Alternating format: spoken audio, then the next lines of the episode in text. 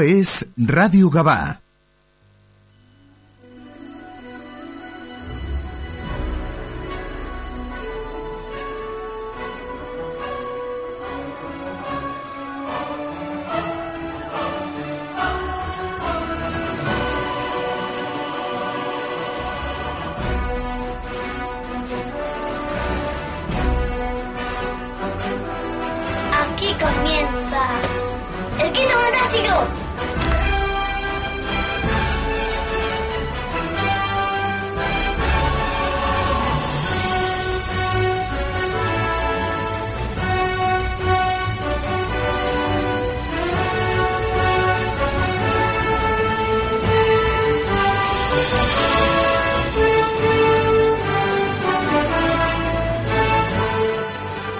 8 de la mañana y 5 minutos. Muy buenos días y bienvenidos a una nueva edición del Quinto Fantástico, episodio 2 de la décima temporada.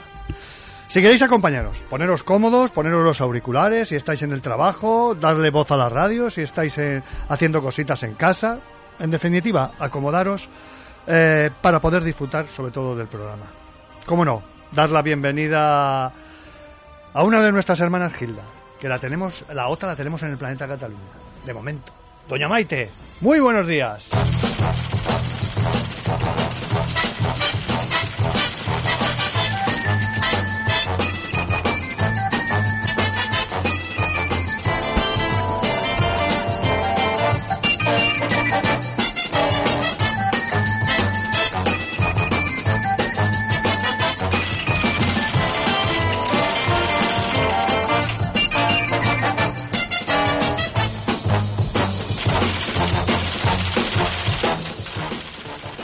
Hoy realizamos un programa que no nos hubiera gustado, sobre todo para los más nostálgicos, mm, no nos hubiera gustado realizar. Siempre habíamos pedido hacer alguna entrevista a don Francisco Ibáñez, pero bueno,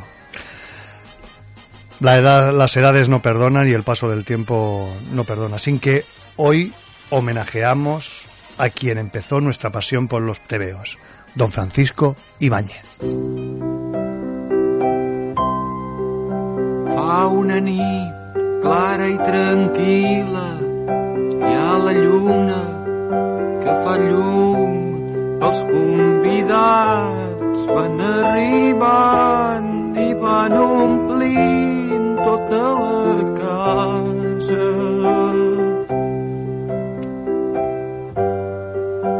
De colors i de perfums, heus aquí a Blancaneus, en Pulgarcito, els tres porquets, el gos Snoopy i el seu secretari Emili. Corríamos por las calles hacia los kioscos que poblaban nuestra ciudad.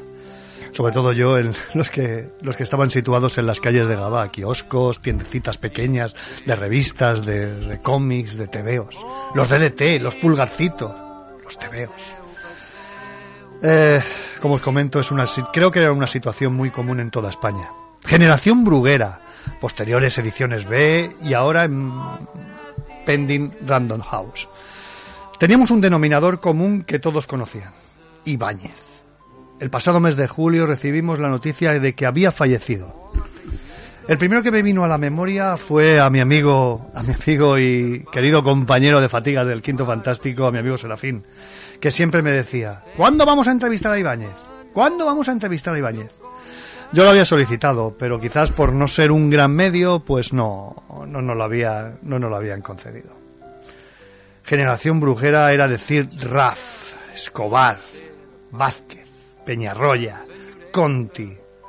Con sus, personajes, con sus personajes nos iban forjando nuestra personalidad a través de, de los Tripizape, de los Mortadelo y Filemón, de los Trece Rue del Percebe, de los Carpanta, de los Pepe Gotera y Otilio, Anacleto, la abuelita Paz, aquel niño tan feliz que era Angelito y, como no, que nos veíamos mucho reflejados, que era la familia Cebolleta. Una catarata de personalidades con sus correspondientes aventuras. I Taxi Roberto Alcázar i Pedrín, l'home del sac, Parecía que Ibáñez iba a ser eterno. Era como un camaleón, adaptándose a la actualidad, mundiales, olimpiadas, referéndums políticos, desfalcos, choriceos de nuestros mandamases. Todo venía reflejado. Olé, tío vivo, superhumor. Era coger las pagas que nos daban y correr hacia los kioscos, como, os he comentado antes, y comprar dos o tres tebeos. En los Estados Unidos estaba Superman, Spiderman, Los Vengadores, la Liga de la Justicia. Aquí nuestros superhéroes, Super López y su supergrupo. La reina inglesa tenía a James Bond. Nosotros teníamos a Anacleto. Los americanos tenían la CIA. Nosotros teníamos a los más grandes. Teníamos a Mortadelo y Filemón y la tía.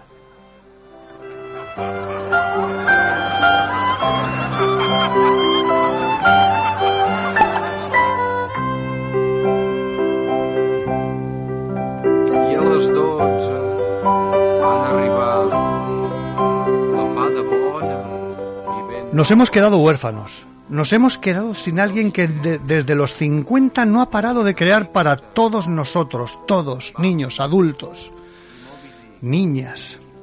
La friolera de 70 años creando historia, de cómo todos ellos retrataban la España de aquellos años y de cómo sorteaban sobre todo la censura como auténticos galimatías, que yo creo que se necesitaría un auténtico libro para recopilar de, las anécdotas de cómo los autores, eh, de cómo lo hacían. El ejemplo más, gra- más, grande es, eh, recomiendo sobre todo, yo siempre re- la recomiendo, el- ver la película del Gran Vázquez, ¿no? Que es la de Santiago Segura como prota, como prota. Se ve ahí reflejado perfectamente. Ibáñez nunca dejó de trabajar. Su compromiso era tal que cuando venía a los salones y veía las colas interminables para firmar, él ponía cara mm, de muchos de sus personajes. Pero nada, tiraba hacia adelante, no, dejaba, no dejó de trabajar hasta el último día, creando, dibujando y reivindicando su trabajo y el de sus compañeros. Cuando te pones en Twitter, Facebook, Instagram para hablar de dibujantes americanos, europeos, todo el reconocimiento que tienen en su país de origen, premios, calles, eh, lo tienen sobre todo en vida.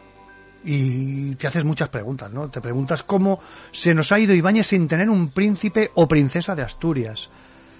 Ahora sí, todos corriendo al entierro, a dar su opinión. Sí, porque yo leía Mortadelo, sí, porque yo leía 13 Rubes Despertede. No, no. En vida que se valore a alguien que ha hecho reír a tantas generaciones y ha tenido un coco tan grande para crear año tras año todas estas viñetas. Hoy repasaremos parte de su historia. Eh, de momentos trágicos y difíciles como fue el cierre de Bruguera, la recuperación de sus personajes, de cómo se llevaron al cine y sobre todo de una de sus últimas apariciones en el Salón del Cómic de Barcelona junto a Carlos Areces, amenizado, amenizado allí por, por todos los fans, ¿no? Que fue una auténtica delicia vernos reflejados, vernos reflejados en Carlos Areces preguntando a, a Francisco Ibáñez. Y todo amenizado con un poquito de uno de su, con el can, su cantante favorito, que era Joan Manuel Serrat. Así que, maestro, valor y al toro.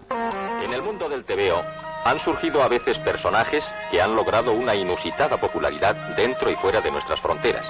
Tal es el caso de los divertidos Mortadelo y Filemón, que consiguieron durante varios años consecutivos los codiciados trofeos llamados Aros de Oro a la mejor historieta infantil. Vamos a conocer a su autor. Me llamo Francisco Ibáñez, Mortadelo para los amigos. Esta historia mía profesional se inició justo en el momento en que tuve suficientes fuerzas como para aguantar un lápiz con la mano derecha. Mis primeros elementos de trabajo fueron ese lápiz que he citado y las paredes de la casa paterna. Tuve que ingresar en una entidad eh, bancaria donde en los ratos libres y en los menos libres continuaba practicando el asunto del dibujo, del dibujo humorístico, con lo cual me, me ocasionó bastantes problemas con respecto a mis superiores.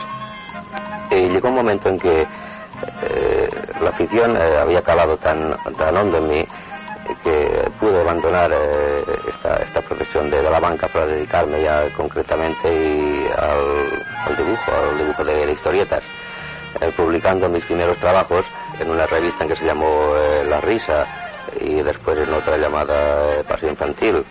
Sugarcito fue la primera revista en la que, en la que surgieron eh, los personajes que, que, mejor acogida han tenido entre el público. Fueron eh, Mortadelo y Filemón. Estos personajes vieron la luz hace aproximadamente unos, unos 19 o 20 años. Y llegó un momento en que lo que se había iniciado con una simple paginita, llegó a, se, se llegaron a hacer historias completas de muchas páginas de estos personajes eh, se han utilizado para, para realizar eh, pues infinidad de, objetos de, regalo para niños y, también para adultos. Las historias de estos personajes se han publicado en, distintos países, o sea, se han traducido a, varios idiomas. También con ellos eh, conseguí los, los famosos aros de, de, oro y plata, a los mejores personajes de historieta infantil. Y esto es un, es un trofeo que, que me ha llenado de, satisfacción, puesto que es concedido precisamente por aquellos a quienes van dirigidas primordialmente mis historietas, es decir, por, los niños de, toda España. Eh, si alguien, bueno, después de esta pequeña introducción que, de una pequeña entrevista que le hicieron en Radio Televisión Española, si hubo alguien quien influyó, quien influyó a Ibáñez, eh, ese siempre fue Escobar. Eh, José Escobar. Eh, por, fijaros que José Escobar, por la versatilidad que tenía, hacía de todo. Y gran parte, y sobre todo eh, lo que les unía, como escucharéis ahora perfectamente, es una gran amistad. Fue un gran amigo. Escobar fue, además fue, un hombre que no se limitó a hacer, a hacer historietas, no, no. Aquel, aquel abarcaba eh, hacía historietas, escribía eh, obras de teatro, eh, pintaba cuadros, hacía publicidad, cultivaba en su casa, cultivaba las, las cultivaba patatas, todo lo que se puede hacer en este mundo lo hacía Escobar. Escobar fue un hombre, pues, una, una verdadera maravilla en cuanto a la historieta. Ten en cuenta que, dejando de lado Mortadelo, los personajes de Escobar han sido los que más difusión han tenido, sobre todo su zip y zape. Escobar fue el único, el único dibujante, el único historietista que consiguió dársela con queso a la, censura del país con su personaje que se llamó Carpanta. Una censura que en aquel momento, claro, eh, con mirar a que no hubiese nada contrario a la vida en nuestro país y tal, no podía permitir que en un momento dado se dijese que en un sector determinado se pasaba hambre. Sin embargo, aquel, personaje pasó hambre toda su vida y en censura, los de no se dieron ni cuenta. Fue una cosa, la obra cumbre de, del, amigo, del amigo Escobar. Además fue un hombre que estuvo trabajando, qué sé yo, hasta, última hora, hasta último momento, cuando ya el cerebro no le, casi no le respondía, cuando estaba ya metido en pleno, casi en pleno Alzheimer, él todavía trabajaba, todavía trabajaba y se daba cuenta de que estaba haciendo algo de interés, que estaba haciendo todavía historieta. Yo recuerdo que su esposa eh, cogía cada semana un montón de, páginas de periódico, las liaba, les ponía una gobita y le decía, Josep, me vas a apuntar la faena aquel que se quedaba, como se quedaba tan feliz, bien, bien, usted cuánto ha trabajado esta semana, está en la hoja de periódico, ¿no? Pero hasta el último momento aquel hombre estuvo trabajando y estuvo feliz y estuvo enamorado de su profesión. Ah, no, y esto que no, que no se lo ha nombrado y tal. Sí, sí, sí, se ha nombrado muchísimas veces. Ya se han hecho actos recordando. Yo muchas veces he escrito efemérides cosas que en otras revistas recordando a Escobar han sido allí, publicadas, eh, prólogos dedicados a su obra, efemérides recordando toda su vida. Se han hecho muchos actos. Él estuvo muy ligado a, a Granollers, he vivido allí mucho, tiempo, y ahí se han hecho pues mil y una cosas en recuerdo, en memoria de, los Escobar, o sea que no está olvidado ni muchísimo menos, no, no. Además todo lo que fuimos sus compañeros, todo lo tenemos aquí, y eso es lo mejor que se puede hacer, el mejor homenaje que se le puede hacer a un autor de historieta.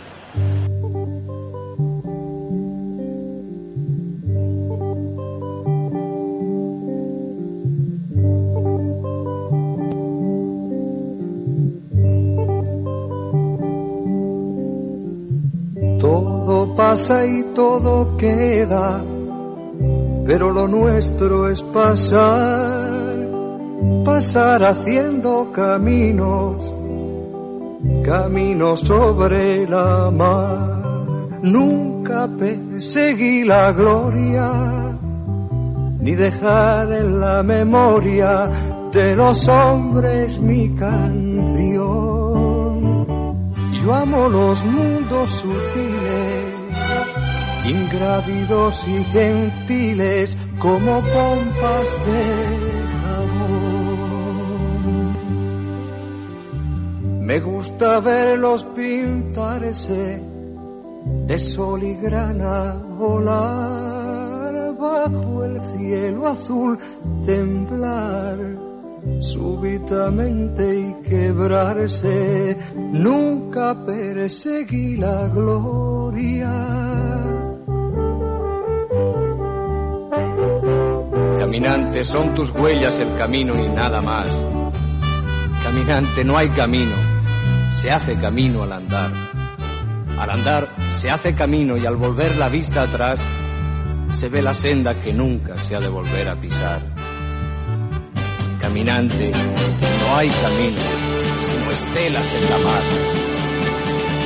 Hace algún tiempo en ese lugar donde hoy los bosques se visten de espinos, se oyó la voz de un poeta gritar, caminante no hay camino, se hace camino al andar, golpe a golpe, verso a verso. Murió el poeta lejos del hogar que cubre el polvo de un país vecino. Al alejarse le vieron llorar. Caminante no hay camino, se hace camino al andar. Golpe a golpe, verso a verso. Cuando el jilguero no puede cantar, cuando el poeta es un peregrino, cuando de nada nos sirve rezar. Caminante no hay camino, se hace camino al andar, golpe a golpe, verso a verso, golpe a golpe, verso a verso, golpe a golpe,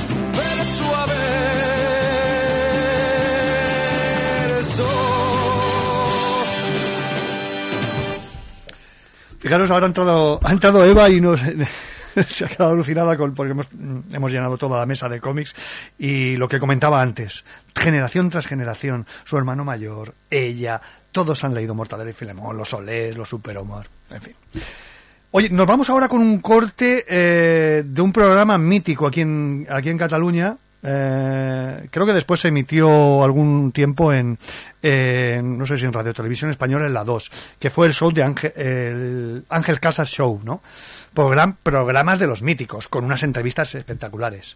Eh, Ibáñez nos relata un momento difícil de su vida, que fue el cierre y la recuperación de todos los personajes. El dibuixant Francisco Ibáñez.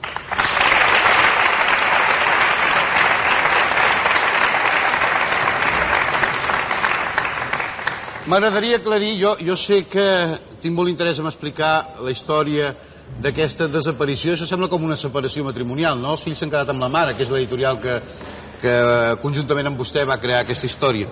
M'agradaria que vostè expliqués la història de per què un pare amb uns fills tan famosos com Mortadelo i Filemón, que ja tenen 28 anys, doncs s'ha quedat sense la custòdia dels seus fills, però sobretot també m'agradaria aclarir que aquesta és la seva versió i que nosaltres ni entrem ni sortim. Exactamente, exactamente. Senyor Ibáñez, ens ho explica? Bueno, sí, yo di, di a luz a Mortadelo y Filemón hace ya casi, casi 30 años, o sea, 28 años exactamente, para gran, con gran alegría de la, de la casa, de la casa editora me refiero concretamente. De la madre, en aquel caso. De la madre, sí, de la madre que los parió, sí. Eh, Bien. Entonces, ocurría eh, en aquellos tiempos, en, este, en el año 57, 58, eh, con, la casa, con la casa madre, se firmaban unos, unos contratos que actualmente, y así muy suavemente, le llamaríamos contratos de, de juzgado de guardia. Eh, bien, se firmaba estos contratos porque no quedaba más remedio que hacerlo. O hacías esto, o firmabas este contrato, o no trabajabas, no hacías nada. Empezabas a producir, empezaban a crear eh, personajes como Mortadelo y muchos otros. Empezaban las cosas a eh, no ir demasiado bien con la editora. Llegaba un momento que decíamos, bueno, ya no podemos soportar esta situación, eh, nos vamos, vamos a probar, en fin, otros terrenos, nuevas aventuras y tal. Entonces querías llevarte los personajes, te encontrabas con la amarga sorpresa de que la editorial, a espaldas del autor, silenciosa, ladina y solapadamente, había cogido los personajes y los había registrado a su propio nombre o a nombre de cualquier miembro de la familia Bruguera. De forma de manera que cuando eh, queríamos marcharnos con nuestros, con los hijos de nuestra tinta, resultaba que no, que no había manera, que aquellos hijos ya eran casi propiedad de la, de la editorial. Y entonces resulta que como en aquellos tiempos embarcarse en una aventura eh, jurídica, reclamarlo judicialmente, era algo de, de locura, pues no había más remedio que aguantar la situación, arrostrar, es lo que conllevaba esa situación, ir aguantando, tratando de sacar eh, la mayor cantidad de mejoras posibles, caso en, en la mayoría de las veces prácticamente imposible, puesto que topabas una especie de, muro, o un muro de hacía oídos sordos a todo cuanto le proponías, hasta que llega el momento, pasados los años, que dice, bueno, ya tengo, eh, en fin, ya tenemos las, las nalgas muy heladas de tanto bajarnos los pantalones y vamos a decidirnos de una vez por todas, nos marchamos amparados de la nueva ley de propiedad intelectual, y entonces vamos a recuperar a, los, a esos hijos de nuestra tinta. Vamos a confiar que esos hijos que son nuestros, que son nuestra creación. Son tinta vuelvan- de su tinta. eso Tinta de mi tinta, exactamente, y de, de mi sudor. Que vuelvan con nosotros y en eso estamos. Però, senyor, senyor Ibáñez, el que jo no entenc, i jo no hi entenc gens de registres editorials i de drets i tal, és com vostè no... Com quan es té un fill, se'n va al registre civil i se'l posa el seu nom, és fill meu, doncs vostè com no va registrar aquests personatges al seu nom? Esa es la pregunta que todos nos hemos hecho al cabo de los años. ¿Por qué no lo hice, señor? ¿Por qué no lo hice? De acuerdo, fuimos tontos. Se nos adelantaron, fueron más listos que nosotros. Conforme, lo aceptamos así. Pero bueno, ya ha pasado el tiempo. Ahora vamos a luchar. Será más difícil ahora, pero vamos a hacerlo. Ibáñez, no sé si em Y volverán, y los chicos volverán con papá, indudablemente volverán. No, no sé si vostè em plora com Mortadelo o com Filemón en aquests moments, perquè la cara de vostè no sé qui més s'assembla. Jo m'agradaria oferir-li unes imatges, si vostè aixeca una mica el cap veurà en el nostre en el monitor nostre unes imatges que hem preparat dels seus fills. No sé Ahà. si el nostre realitzador les té preparades, em sembla que sí, perquè veu aquests fills? Ah, aquí veu? están, aquí están, los hijos de ¿Os mi alma. Aquí están los hijos de mi alma. Oh, 30 años durmiendo con ellos, comiendo con ellos. Si, si la gente empezaba a decir, "Ah, estos tipos son dos, eh, dos tipos del sexo masculino, siempre juntos, siempre eh, conviviendo, siempre con sus aventuras, un poco rarillos, un poco rarillos. Y esa especie de rareza ya, ya- ya llegaba casi al autor también. Se, El senyor poco vostè rarillo. els reconeix com a seus, aquests personatges? Aquests, reconozco. aquest, aquests dibuix que ha fet? Son, son míos, exactamente. Però aquest no l'ha fet vostè, aquest dibuix? Es muy posible, es muy posible, Ah, es muy posible aquest, que no. es Aquest dibuix jo l'he no. signat per un equip. Exactamente, exactamente. ¿Cómo es Son, que- son mis personajes hechos por eh, un sistema que sigue ahora la, la editorial. Eh, claro, eh, como quiera que de allá, eh, por las mismas razones que yo me he ido, se han marchado otros muchos dibujantes. Resulta que, claro, no pueden sacar la revista con las páginas en blanco, queda un poco rarillo. Entonces han de recurrir a esta especie de equipos eh, cuya forma de trabajar es, a un señor se le paga por hacer un guion, a otro señor se le paga por hacer un dibujo a lápiz, a otro señor se le paga por hacer ese dibujo a tinta, imagino que a otro señor se le paga porque, porque lo lea, porque no, que es imposible el resultado. No, no, no, no exageri, senyor Ibáñez, no exageri. Vostè sempre treballava sol o gent d'aquest equip també havia col·laborat amb vostè i per tant tenen l'habilitat de... eh, bien, eh, se hacían las cosas de cierta forma. O sea, el autor eh, creaba un guión, se pensaba los, eh, las situaciones, los sketches, los gags, las situaciones cómicas, la de plata, eh, creaba este guión, hacía los dibujos a lápiz, creaba las páginas a lápiz, y entonces había unos señores, eh, buenos dibujantes, pero quizá incapaces de, eh, de narrar cualquier historia, estos señores pues eh, pasaban ese dibujo a pluma, o sea, la pasaban a tinta, de lo que llamamos para el, pasado a tinta. Ahí se, ahí se limitaba el trabajo en equipo, el trabajo en equipo que hacíamos nosotros. El, equipo, el, el trabajo en equipo actual es una cosa distinta completamente, ya, Ya. y ya no, no voy a insistir más sobre ello, pero en fin, los resultados también están, están muy a la vista. De totes maneres, malgrat que ara vostè no pugui veure els seus fills, no pugui tenir contacte, no els hi deixen ni el cap de setmana, vaja, eh, vostè té, els recuperarà, creu, està segur que els recuperarà? Seguro, completamente, seguro, seguro, seguro. I què farà quan, quan els trobi? Seguir trabajando con ellos, seguir viviendo con ellos, seguir ¿Cuántos- acostándome con ellos, a pesar de lo que diga la gente. 15, 15 milions d'espectadors diu que han tingut Mortadelo i Filemón, per exemple, a Alemanya, a molts Mm. països de Sud-amèrica, a països africans, a tota Europa. Quants milions li han reportat, això? ¿Cuántos millones me ha reportado? Bueno, per sobre, Pues, no sí, Por encima, por encima, yo diría, yo diría que me ha reportado una cantidad de millones exactamente de la quinta o la sexta parte que debía haberme reportado. El resto se lo llevo a la casa madre. O sigui que fins La i tot... que los... Sí, Exactamente. fins i tot vostè també es troba mal pagat amb aquesta història. Indudablemente, indudablemente. Per això se n'ha anat, esclar. Totalmente. Bé, i aleshores vostè, que a part d'aquests personatges n'havia creat molts altres, sobretot jo recordo aquella història quotidiana de la 13 Rue Percebe, 13 Rue Percebe, sí, sí. doncs s'ha inventat un nou carrer i s'ha inventat uns nous personatges. Jo m'agradaria que els presentés. Crec que també el nostre realitzador té les imatges preparades de cadascun d'ells. Ah, aquí los tenemos. Aquí tenim tenemos. els tres tenemos a personatges. Chicha, Chicha, Tato y Clodoveo. Aviam, això Chicha, ha, ha passat... a, la, a la derecha de la pantalla Sí. es una, una chica eh, procedente de la, de la alta sociedad que un día decidió pasarlo en grande, lo envió todo a hacer puñetas y lo está pasando en grande, claro. És una mica punky, ¿no?, per entendre'ns la imatge física que Es vostè... muy, muy puesta al día, indudablemente muy puesta al día. Entonces a la izquierda tenemos el señor chiquitito, eh, Tato, que, cuya procedencia es diametralmente opuesta a la de, a la de Chicha. Eh, es más romántica. Tato nació bajo los puentes, solo que bajo los puentes de la autopista sur, claro. Y también hizo lo mismo que Chicha, lo envió todo a, a hacer gárgaras y también se dedicó a, a vivir. Y entonces, y el tercero, el tercero del grupo, el tercero en discordia, Clodoveo, este proviene de las, eh, de las tablas del mundillo del espectáculo, del teatro, etcétera, etcétera. Y en fin, todos juntos forman un, un grupito eh, muy puesto al día. Y digo muy puesto al día, puesto que están en paro. Ya. O sea, imagino que van a estar muy al día durante bastante tiempo. Y esto no quiere decir que sea ninguna crítica contra, en fin, contra el paro y tal. Simplemente partimos de una base, de la base de los parados. Y a partir de ahí pues, se presentarán pues, mil gags, mil situaciones, mil, eh, mil detalles cómicos, ¿verdad? que sean los que van a animar a ver la vida de estos tres personajes. Evidentment, han passat 28 anys des que vostè va crear els seus primers personatges, el Mortadelo i Filemón, i per tant, aquests 28 anys es noten amb les historietes. Ara el tema que bàsicament els ocupa és el tema de l'atur. Ajá, ajá. I eh, el dibuix dels personatges, tot i que, evidentment, quan són del mateix pare, tots els fills s'assemblen una mica. No, no, no se parecen en absoluto, no, no, no, no. no. Hasta No es distressen? No n'hi ha cap que es distressi? Eh, sí, posiblemente sí, Ah. posible- para recordar, para recordar al otro hijo, al hijo pródigo y tal, pero posiblemente se, se disfrazarán también. No, pero no se parecen nada en absoluto a los anteriores personajes, ya, o sea, ya como físicamente, su presencia, ya, eh, sobre todo, ante todo, eh, verás que durante 30 años hemos hecho personajes eh, como el autor prácticamente con, con la cabeza descubierta y brillante. Era aquello que decían eh, algunos estudiosos de la historieta, decían que esto ocurría porque eh, por aquel tópico de que el personaje acabó por parecerse al autor o el autor al personaje, etcétera, etcétera, que tenían, yo que sé, cosas raras, reminiscencias kafkianas, que esto, que lo otro. Vostè era calb quan va començar a fer Mortadelo Filemón? Me quedé inmediatamente. Sí, Eh, sí, sí. O sea, quien ha trabajado en Bruguera sabe lo que es eso. Hay poco, poco el pelo. Bien, volviendo al tema, volviendo a lo que íbamos. O sea, el, el hecho de que hiciéramos personajes eh, en Bruguera, eh, todos calvos, no era por nada de esto que hablaba anteriormente, del parecido con el autor ni, ni nada.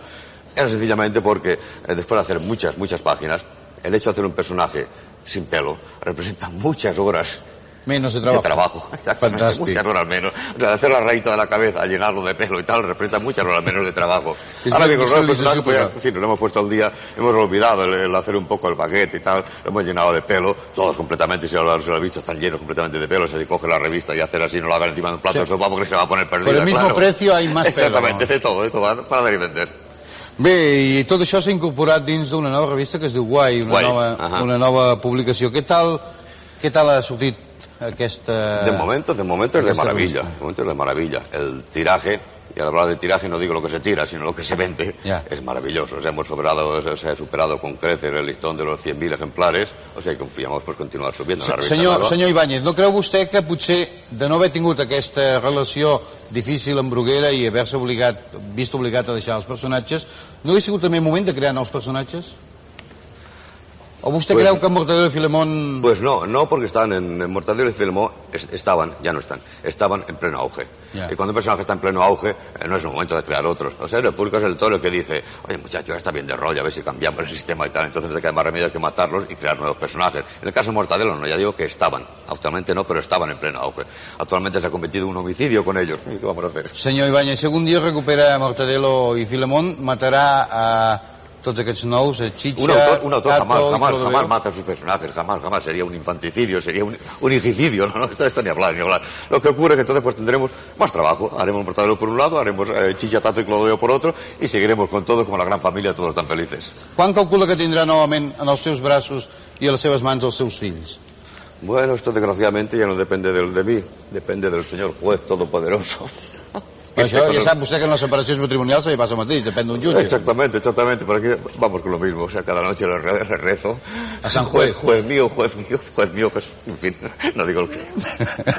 Senyor Ibáñez, enhorabona per haver creat uns nous fills i no hem parlat de la 7 Rebolling Street, que és el nou... Ah, bueno, esto sí, esto eh, claro, el, el- lo que fue la 13 Euro del Percebe, ya prácticamente, además de ser una página, que era muy apreciada por el público, por los lectores, que era el, el parto, el parto de los montes. Ya. Aquella página llevaba una cantidad de trabajo, pues tres, cuatro veces superior a una página normal y corriente. Pero como gustaba al público, pues ahora pues hemos vuelto a la carga con el mismo sistema, pero corregida, aumentada, ampliada el número de pisos, establecimientos y tal. Y doble lo, cual, lo cual demuestra que el autor nació tonto ya, pero en fin, todo sea por contentar al público. Doncs aquests nous personatges, els que estan ubicats en un indret concret, com és aquest 7 Rebolling Street, o els que estan vivint les seves aventures d'aturats, benvinguts a la vida i que assumin els seus germans antics de més de 28 anys, Mortadelo i Filemón. Gràcies, senyor Ibáñez. Gràcies a vosaltres.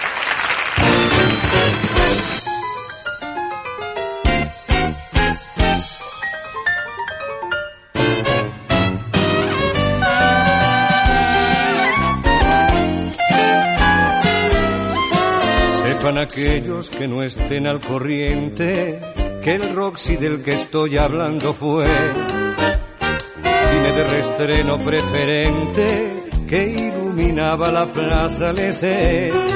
Echaban nueve y dos películas de esas que tú detestas y me chiflan a mí, llenas de amores imposibles y pasiones desatadas y violentas, villanos en cinemascope hermosas damas y altivos caballeros del sur. Tomaban el té en el Roxy cuando apagaban la luz.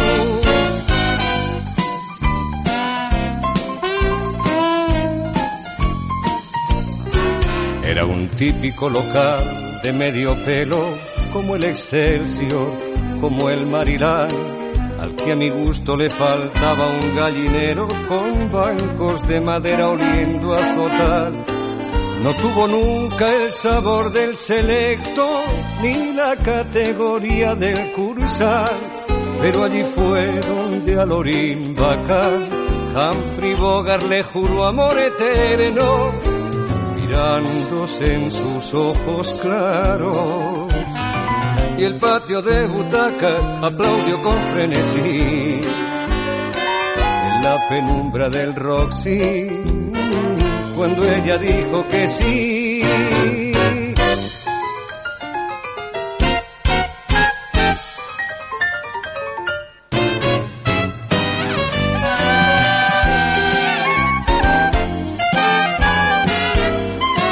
Yo fui uno de los que lloraron cuando anunciaron su demolición con un cartel de Núñez y Navarro próximamente en este salón. En medio de una roja polvareda, el Roxy dio su última función y malherido como King Kong se desplomó la fachada en la acera en su lugar han instalado la agencia número 33 del Banco Central. Sobre las ruinas del Roxy juega el palel capital.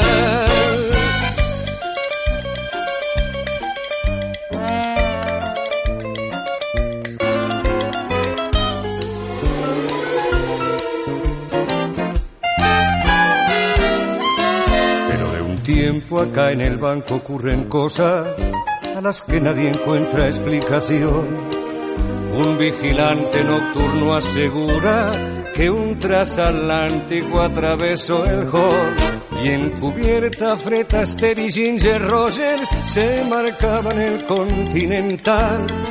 Atravesó la puerta de cristal y se perdió en dirección a Fontana y como pólvora encendida por gracia y por la salud está corriendo la voz que los fantasmas del Roxy son algo más que un rumor.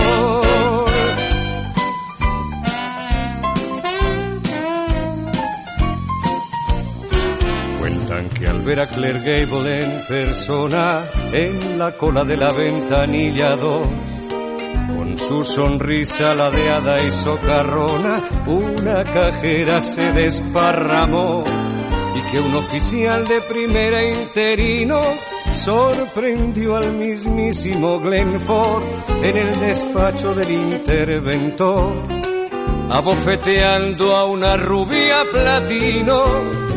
Así que no se espante, amigo esperando el autobús le pide fuego llorar.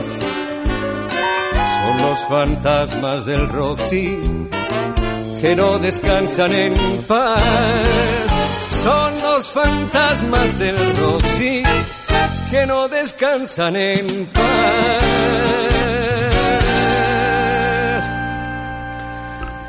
Bueno, pues también mm, pegaron el salto al cine, sobre todo sus personajes, los dos personajes más icónicos, tanto Mortadelo como Mortadelo y Filemón, por supuesto. Hicieron tres películas, La gran aventura de Mortadelo en el 2003 y Mortadelo contra Jimmy el Cachón en el 2014 y hemos rescatado un corte del programa de Andreu Buenafuente que es cuando encarnaban a tanto Mortadelo y Filemón, tanto Edu Soto como Pepe Villuela, ¿no? Eh, Misión Salvar la Tierra, fijaros, ese título es de Star Trek totalmente. Eh, él se involucró muchísimo en, la, en, la, en las películas, eh, con charlas a los directores, a los guionistas, estuvo allí para ver cómo salían, cómo, hacían las escenas, de, de que él reflejaba perfectamente en viñetas. Fijaros que hay un, hay un pequeño sketch que él del, del, rodaje de Misión Salvar la Tierra, eh, que él eh, se queda, bueno, se queda flipando porque dice, dice, aquí, dice, aquí tienen que repetir las escenas una, una y otra vez. Yo cojo mi goma y borro la viñeta y la vuelvo a hacer de nuevo, ¿no? Eh, dirigida por, por Miguel Bar Bardén. Hay un, os voy a poner, como os he comentado, el fragmento que, que hizo la entrevista con Edu Soto, Andrés Buenafuente, por supuesto, y una entrada triunfal de, de, don Francisco de don Francisco Ibáñez. Vamos a escucharla. Da un poco de miedo el hecho de, de tú hacer tu Mortadelo y Filemón, haces un pacto con el director y tú habláis, hacéis un personaje y luego todo el mundo dirá, "Mm, pero yo Mortadelo lo veía más, tal, porque es que todo el mundo tiene muy claro el referente, ¿no? Entonces hemos intentado hacer el que a todo el mundo le cuadre y el que nos cuadrara a nosotros para esta película. Los americanos tienen Batman, nosotros tenemos Mortadelo y Filemón. Sí, es, que somos así. Somos así. Ellos ponen a un tío mazas, guapo y tal, Sí. y aquí ponemos a un calvo con, con gafas y, y que, y, Vale. y dos tíos que se enfrentan al desastre mundial. Pero detrás de todo eso hay un maestro. Eh, en este país hay un maestro que lleva 50 años, porque se dice pronto ya, ¿eh? 50 años con los mortadelos y filemones, que sigue más activo que nunca y que nos hace mucha ilusión que venga hoy al programa. Así que recibimos al padre Ibáñez, por favor.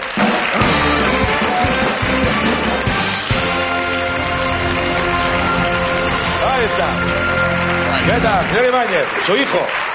Hijo mío, hijo de Papá, papá, dice papá, hijo mío.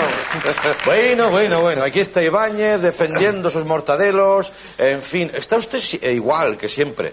¿No será usted dibujado también? Porque no tienes visión de rayo X y me vieras por dentro. A ver, termino de firmar libros por ahí. Estarás contento, estás firmando libros con orquesta y tal, orquesta de Castañuela. No, la orquesta de Castañuela son mil vértebras, cuando llevas no, tres horas, cuatro horas, cinco horas a la que te pego espantoso. Sí, ¿no? El, el- el gran trabajador del cómic. Usted, esto de la fiesta, los estrenos, las pelis, bueno, le divierten un poco, me imagino, ¿no? Porque se pasa el día ahí dibujando. Yo iba a divertirme, me invitaron a ver el rodaje. Y pensaba, "Hostia, ¿cómo vas a disfrutar allí? Me toca la acción, las cosas y tal. Entré. Una escena de como, ¿cuánto duraba aquella escena? Como, como siete segundos. La vi 28 veces, 28 veces, a repetir. Ay, además, esta mano no entraba, a repetir. Ahora, ahora que no entraba era el culo, ahora fuera, a repetir, a repetir. Ahora, ya rodamos, ya rodamos. Venga, cámara, silencio, acción. Eh, Corten, a repetir, corten, a repetir.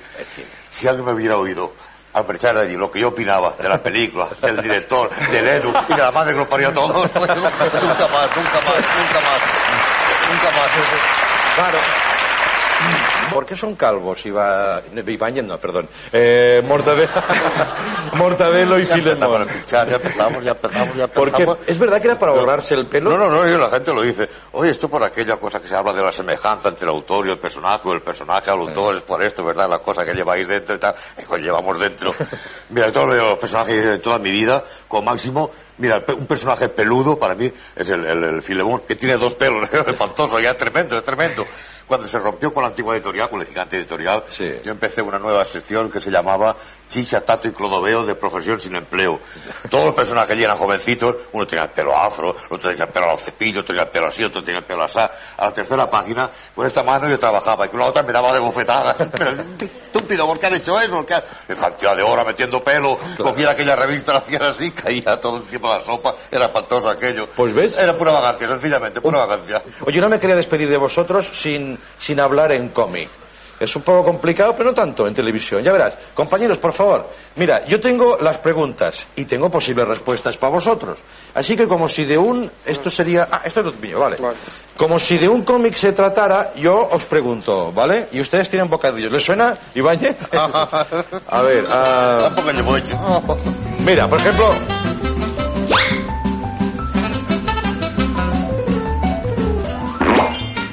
Esta pregunta... Ah, está bien, está bien. Oye, Ah, esta me gusta. Esta es mi pregunta. ¿Se pilla? Sí. A ver el creador. Y Mortadelo dice...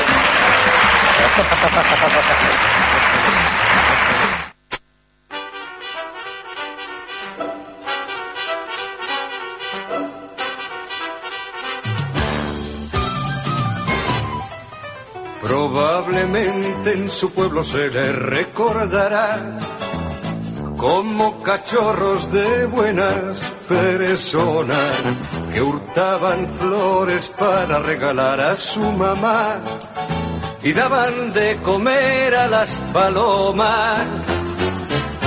Probablemente que todo eso debe ser verdad, aunque es más turbio cómo y de qué manera llegaron esos individuos a ser lo que son, ni a quién sirven cuando alzan las banderas, hombres de paja que usan la colonia y el honor para ocultar oscuras intenciones.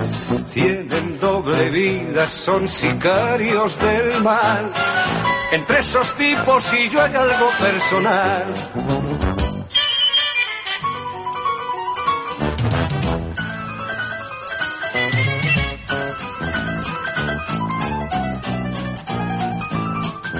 Rodeados de protocolo, comitiva y seguridad, viajan de incógnito en autos blindados, a sembrar calumnias, a mentir con naturalidad, a colgar en las escuelas su retrato.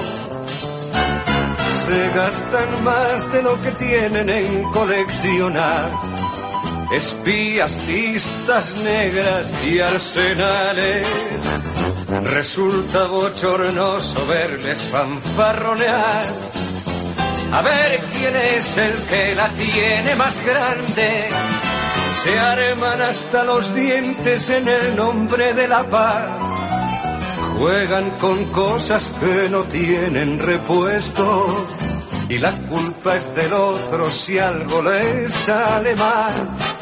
Entre esos tipos y yo hay algo personal.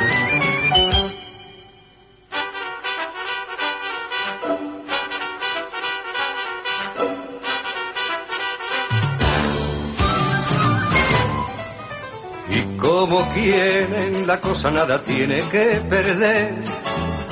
Pulsan la alarma y rompen las promesas. Y en nombre de quien no tienen el gusto de conocer, nos ponen la pistola en la cabeza. Se agarran de los pelos pero para no ensuciar.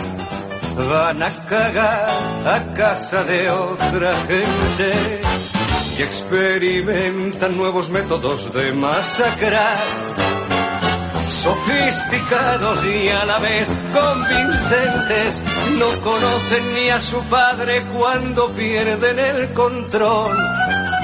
Ni recuerdan que en el mundo hay niños, nos niegan a todos el pan y la sal.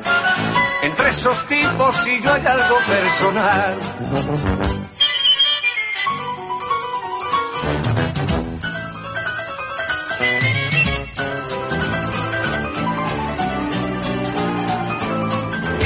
Pero eso sí, los sicarios no pierden ocasión de declarar públicamente su empeño en propiciar un diálogo de franca distensión. Que les permita hallar un marco previo que garantice unas premisas mínimas que faciliten crear los resortes que impulsen un punto de partida sólido y capaz. De este a oeste y de sur a norte, donde establecer las bases de un tratado de amistad que contribuya a poner los cimientos de una plataforma donde edificar un hermoso futuro de amor y paz.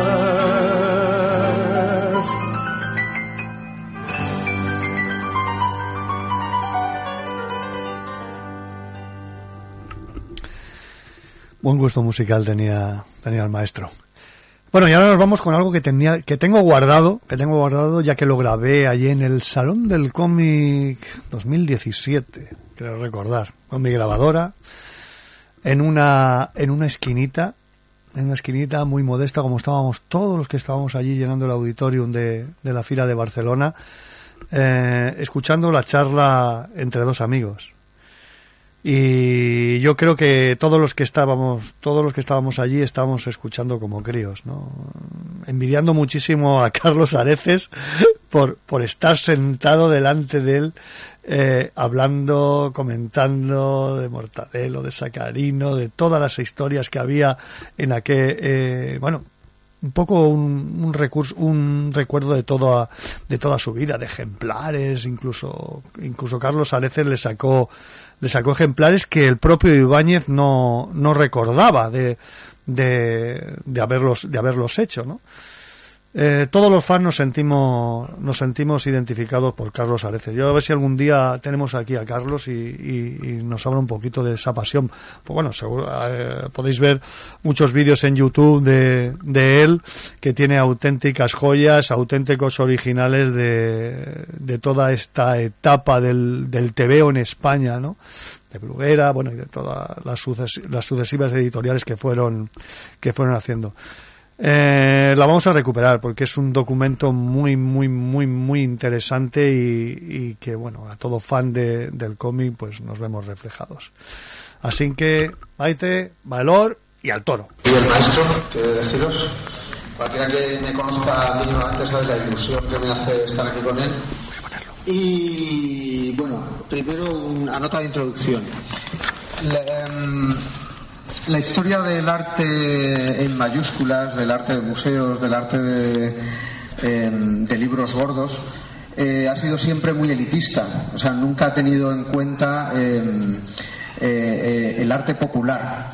el que no consumían los reyes, el que no se vendía en galerías carísimas, el que no estaba financiado por la iglesia, sino el que consume la gente de la calle el que da, en mi opinión, la medida real de los gustos de las épocas. No hay un gran museo del cómic, mmm, no se estudia la obra de nuestros autores eh, de historieta en, los colegios, no digo que haya una asignatura, pero a lo mejor los autores más relevantes sí que podrían tener un hueco. Eh, es difícil encontrar reconocimientos públicos de gran envergadura sobre eh, dibujantes. Eh, y a mí me parece injusto porque creo, por ejemplo, que a nivel popular el impacto de Mortadelo es infinitamente mayor que el de cualquier cuadro que cuelgue de cualquier museo de España. Eh, durante décadas, cualquier persona con edad suficiente como para saber hablar conocía a Mortadelo. Eso es algo que no puede decir ningún autor que, que, esté en el Prado, por ejemplo. Eh, y además, al contrario que mm, personajes de ficción de hoy en día, también muy conocidos, el impacto de Mortadelo no se debe a una gran campaña de marketing ni haber invertido mucho dinero en publicidad, sino a la demanda de un público que se enamoró enseguida de los personajes. Eh, para gustos los colores, pero hay cosas objetivas que podemos decir de nuestro invitado de hoy. Una, que es el autor de cómics más importante de lengua castellana de todos los tiempos. Y dos, que es el que tiene más obra publicada. Pocos pueden presumir de llevar más de 65 años eh, publicando de manera profesional en, en diferentes, en infinidad de publicaciones y en una estimación que he hecho yo calculando el número de páginas que has podido hacer, creo que superan las, está entre las 40.000 y las 50.000. ¿Esto es así más o menos? Cuando me, hacen- cuando me preguntan, yo no, esto no. Sí. Cuando me preguntan cosas de esas, de cuántas páginas has hecho, cuántas, yo inmediatamente pienso en la, la tontada esa que hay del, del- del- libro Guinness, de cuántas páginas has hecho, cuántas viñetas, cuántos dedos habrás dibujado en tu vida y tal. No sé qué, burrada, ni por mira, como dedos he dibujado como 700.000, sin contar en verano, que en verano los dedos son dobles. Estás en la playa bajo los pies de capo y hace el doble de lado y tal. No, todas esas cosas. Mira, a mí la verdad, a mí me causa verdadera satisfacción en este momento estar casada yo cada año pienso bueno eso de los cómics quizá va menos quizá a la gente ya no le gusta tanto quizá la gente cuando era chiquitita tal, ya llevamos muchos años cuando veo esto cuando veo que estamos en el en el 60 aniversario después de haber hecho cosas ya empezamos a, conmemorar todos los aniversarios en el 25 en el antiguo gigante editorial el Esteban Bruguera el 25 aniversario de Mortadelo luego el 30 el 40 el 50 ahora el 60 yo la, la verdad, visto, viendo que, cada vez la cosa va aumentando, va aumentando, en vez de disminuir, cada vez hay más, más interés tal, estoy pensando ya en el álbum que voy a hacer para conmemorar el 100 aniversario. Ser la polla, ser la polla.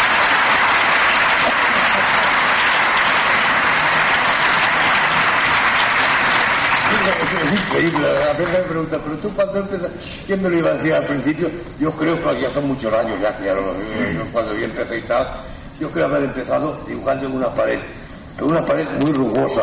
Me recuerdo haber empezado dibujando bisontes y diplodóculos, sitios de la Guadalquivir o algo así, yo que sé, ay, que no recuerdo esto.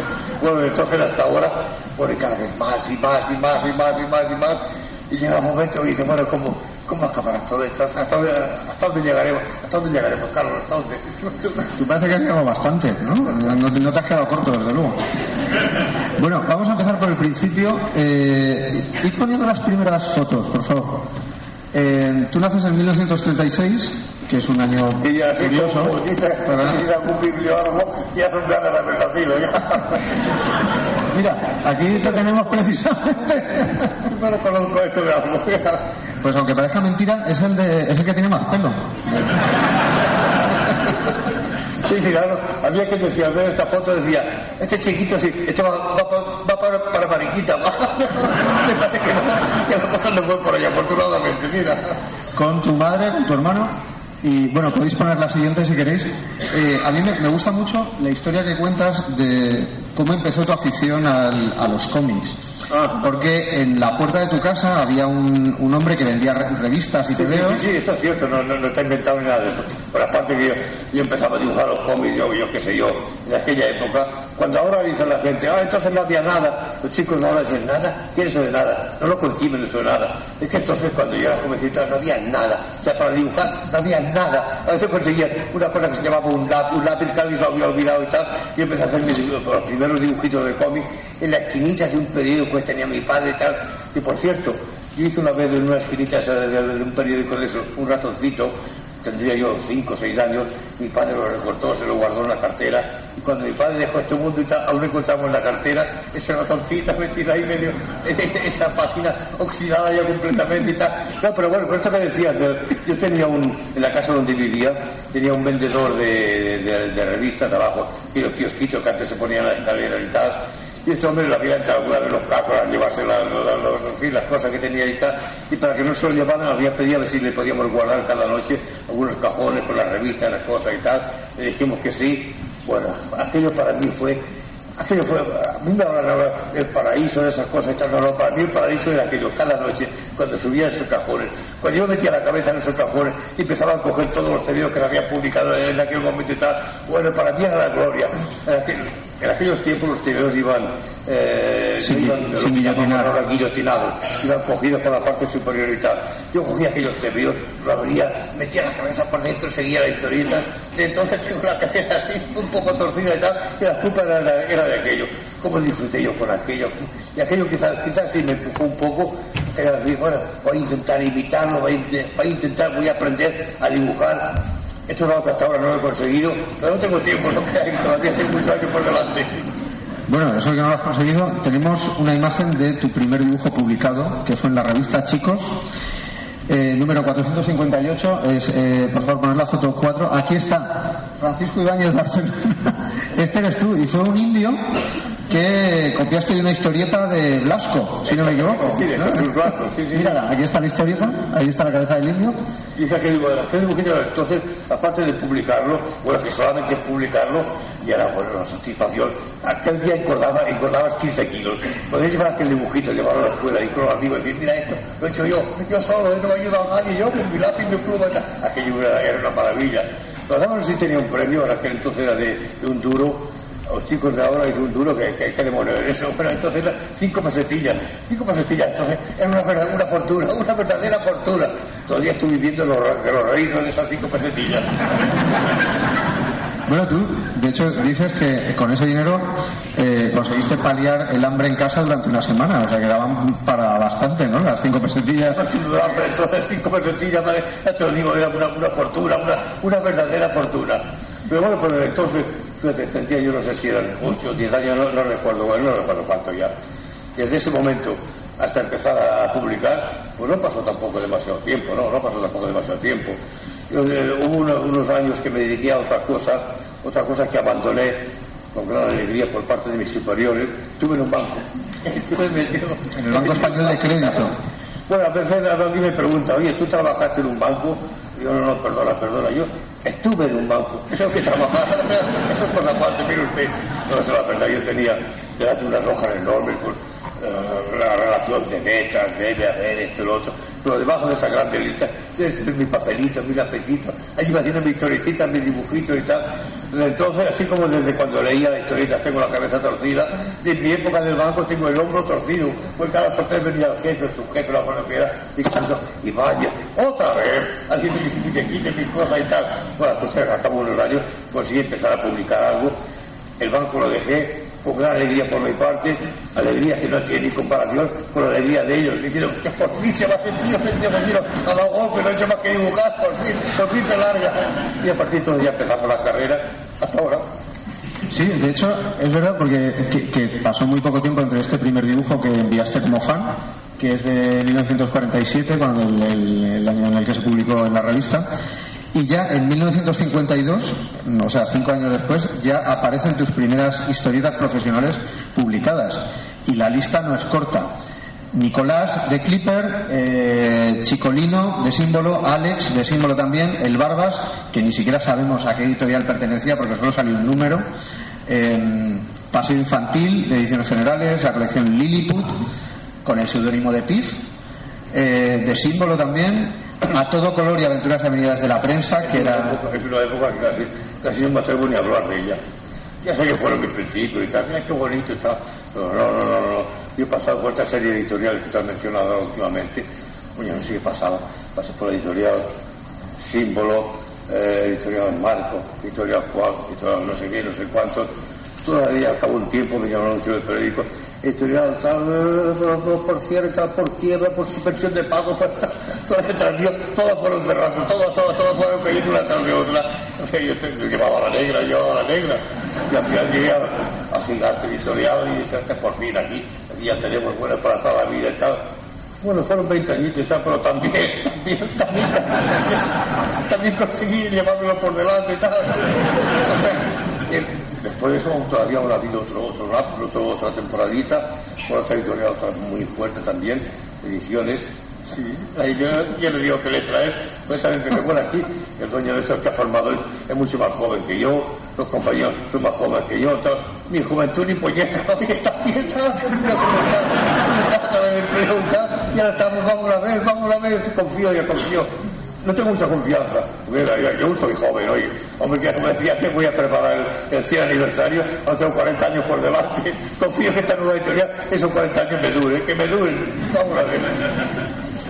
Bueno, de hecho, eh, efectivamente trabajaste en Marco.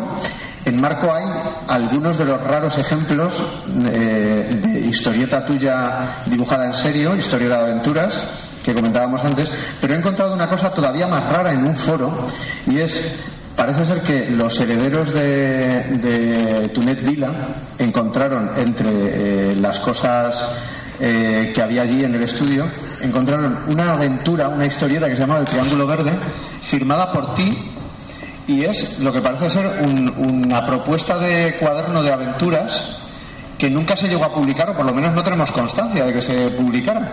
Pero ahí está tu firma y, bueno, o sea que hi- hiciste un intento de hacer aventura de historieta de aventuras también. Claro, cuando, cuando veo estas cosas, encuentro y le doy toda la razón a un editor, supongo que a que le llevé yo todas estas cosas y tal, que me decía, hombre, quizás practique usted un poco más. Y yo le decía, un mes, dos meses. Me decía, hombre, un año, dos años. Encuentro filósofo, y me perdone esa palabra que todas me sentaron como un tiro, todavía la fue muy, pero que muy, muy razonable. Y quizás aquello fue lo que evitó lo que evitó que, que Mortadelo fuera una, galaxia que no hubiera nacido jamás y tal.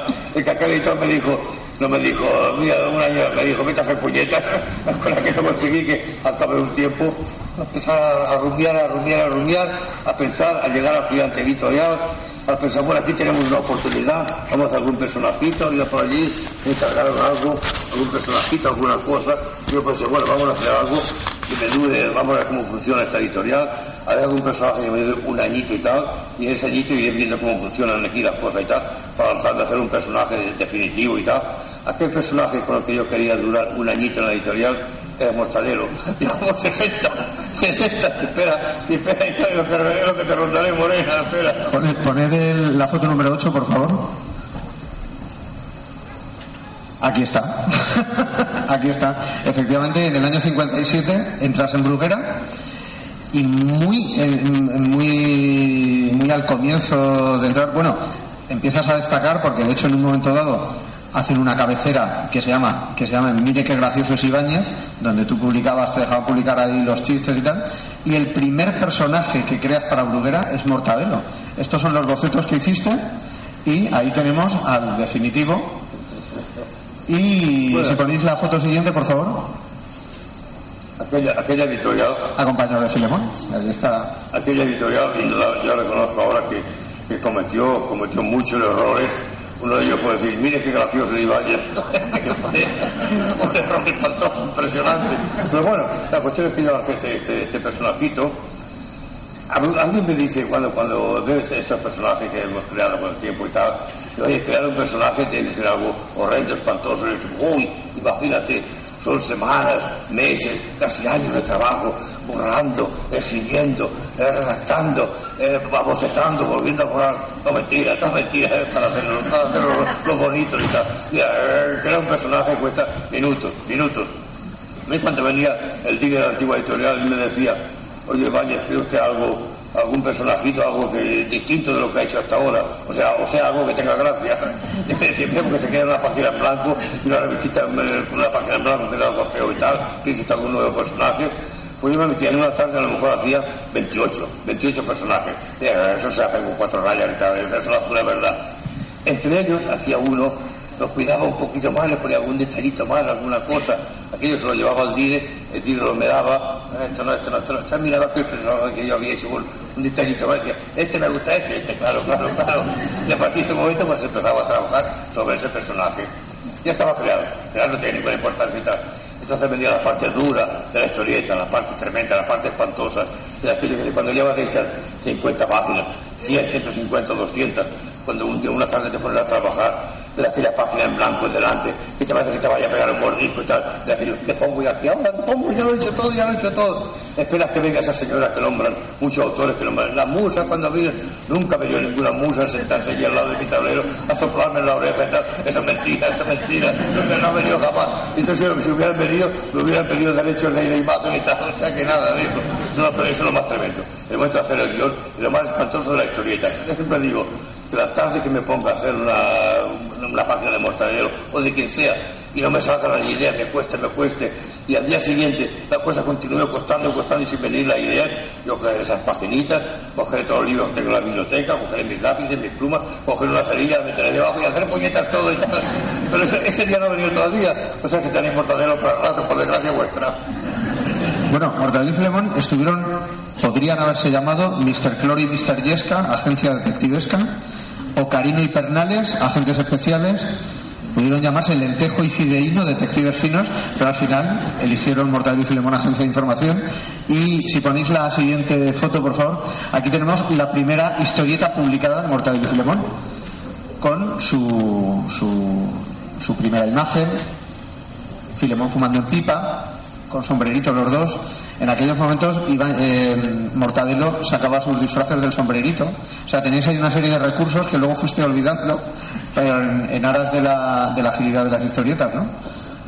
Era, en aquel momento eso que decía de los, del nombre de los personajes, era un problema, era un problema. ¿sabes? bueno, había la costumbre en la antigua editorial de que todos los personajes tuvieran, fueran un besito, un pareado, aquellos Mortadelo y Filemón, la agencia de información, Pedro el Tiro, Chapuza, los domicilios y tal.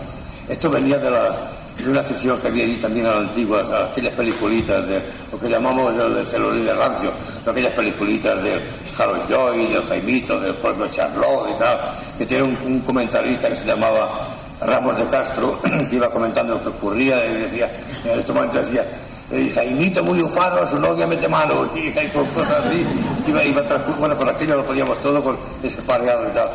Ahora, el nombre en sí, pues en aquel momento, coger un personaje, por ejemplo, de, yo decía, bueno, quiero perpetuar, perpetuarme a través de mis propias historietas, quiero poner un personaje que se llame Paco. Y yo, estás loco, estás loco, Paco, estás- vas a ir a picar al baño, Paco, estás fuera, pues. Esa, palabra estaba prohibida completamente. Ya sabes por qué, ¿no? Fíjate, y como esas palabras, muchas más, ¿eh? muchas más. Eh, eh, tal que recordarse, la palabra policía estaba prohibida. Tenía eh, todo que, llamar, que llamarse eh, escrito en de y tal. Cosas así y tal, porque bueno, recordar algo que tuviera en aquel momento, lo del régimen, que entonces, bueno, que yo representaba lo que te decía, y del éxito vaya, vaya a picar, ¿no? Pero bueno, el nombre del personaje, todas esas cosas y tal, no tiene mayor importancia. Pues, eh, se pasaba tiempo, pero, pero pensando el nombre no. La cuestión era- no era el nombre lo que hacía el personaje, sino el personaje lo que hacía, lo que hacía el nombre. O sea que eh, tanto Mortadelo como le pusieron Mortadelo y Filemón, como podíamos haberle puesto ese otro que citaba hace un momento, eh, no sé cuál es el nombre era, o propio rompetecho, tal rompetecho, imagina rompetecho, un tío que un, un enanito y tal. Es como se van moviendo los personajes, eso es lo que tiene verdadera gracia, y eso es lo que recuerda al lector.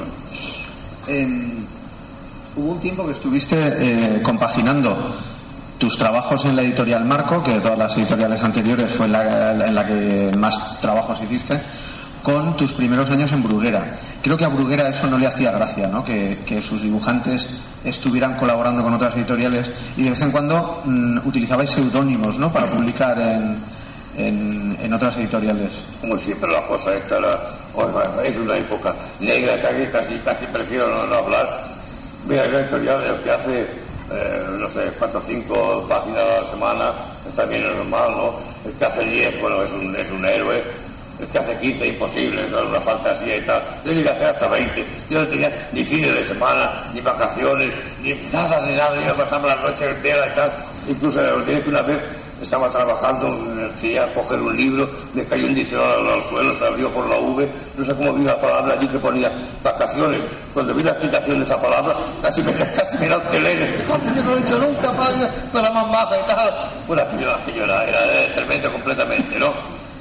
Pero bueno, pero aparte de eso, pues había, había simplemente que, trabajar, trabajar, trabajar. Y si alguna vez se te ocurría hacer alguna otra cosa para algún otro editor, no había tiempo, pero alguna vez ocurría, ¿no? A mí me ocurrió una vez con otro editor que estaba dentro de la misma editorial, que se dedicaba a hacer cosas publicitarias, que dijo, oye, van, ya hazme unas paginitas y tal para anunciar esto. Lo hice, ¿qué has hecho? ¿Qué has hecho? Me llamó, me llamó el director de la editorial, toda, todo el personal estaba allí pendiente, decía, a ver si lo mata, no lo mata, qué, ¿por qué ha hecho usted esto? ¿Por qué se ha marchado de la casa? Y yo decía, el señor, que está de la propia casa, que, que no, que usted está... Algo, algo arreglado, espantoso y. Bueno, es una época, si no negra, por lo menos gris, vamos a dejarla correr.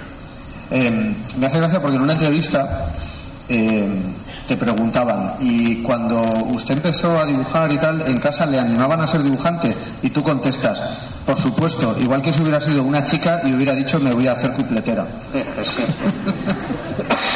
O sea, no, no- no se veía como una profesión con futuro, ¿no? Sí, sí, yo estaba en el banco en aquel entonces, te que estamos pasando a los años 50 y tal. Cuando yo trabajaba en el banco, cuando empecé, cuando empecé a estar en el banco, no a trabajar, a estar, cuando yo me dije en casa, papá, mamá, que dejo el banco. ¿Qué dices, hijo? ¿Qué dices? Que sí, que sí, que dejo, me voy a dedicar a dibujar. Pero que hago un ojo como plato. Pues estás loco, pero te vas a parar, te vas a hacer esas cosas. No estoy, no se ha decirme esas cosas feas, esas cosas no se esas cosas no se dicen en público y tal. Era algo tremendo. Dejar de estar el banco para dibujar, para dibujar, hacer historietas, era lo más espantoso del mundo. Horrible, horrible. De hecho, eh, cuentas también que un compañero del banco, eh, cuando después incluso de crear a Mortadelo y Filemón, te preguntó, bueno, ¿y ahora qué haces? Y tal, y dijiste tú, bueno, pues ahora hago historietas. Y te dijo él, sí, haces historietas, pero ¿de qué vives? es cierto, sí. Por eso estamos todos bastante ufanos de la profesión. Oye, tú que qué trabajas pensando que de las y tal. Yo no, no, no, yo no trabajo, yo, yo dibujo. Eso lo sienta parte, uno lo sienta y sienta como un tiro. Pero bueno, si vas a mirar a última hora, yo como decía antes, hay que, mira, si estuviera, si yo hubiera continuado en el banco, reconozco que hubiera sido horrible. Hace ya eh, 15, 15 o 20 años que estaría jubilado estaría sin trabajar toda la semana, estaría yéndome por ahí por de vacaciones sin saber dónde, estaría en los Honolulu, donde fuera, haciendo cosas, tonterías que no me gusta hacer, las tontadas. También estoy ahora, continúo ahora trabajando las 26 horas diarias, porque la hora 25 porque la hora canaria, para que tenga una hora más que para trabajar y tal. Sigo trabajando el sábado y el domingo Una maravilla, maravilloso del todo. Eh, ¿Podéis ponerla? me hace gracia ese... mm, ese presente idílico el- trabajando atado a la mesa de, de dibujo como te has caricaturizado siempre además sin vacaciones sin nada Em, podéis poner la foto número 13 por favor bueno en 1958 el mismo año que se publica Mortadelo y Filemón creas también eh, la familia Trapisonda un grupito que es la Monda con su sainete su, con su rima eh, esta, eh, esto, bueno, retrata una familia formada por un matrimonio eh, que es Pancracio eh, y Leonor. Son un matrimonio que tienen un hijo, que es aquel moreno, y un sobrino, que es este de gafitas. Y luego está el perro Atila y, y- la criada robustiana. Esta es la formación original de la familia Trapisonda. Pero eh, entra en vigor rápidamente el decreto del 24 de junio de 1955 que marca las pautas de los contenidos de publicaciones infantiles y determina que se debe evitar toda desviación del humorismo hacia la ridiculización de la autoridad de los padres, de la santidad de la familia y del hogar. Entonces, el matrimonio Pancracio y Leonor pasan a ser hermanos, ¿no?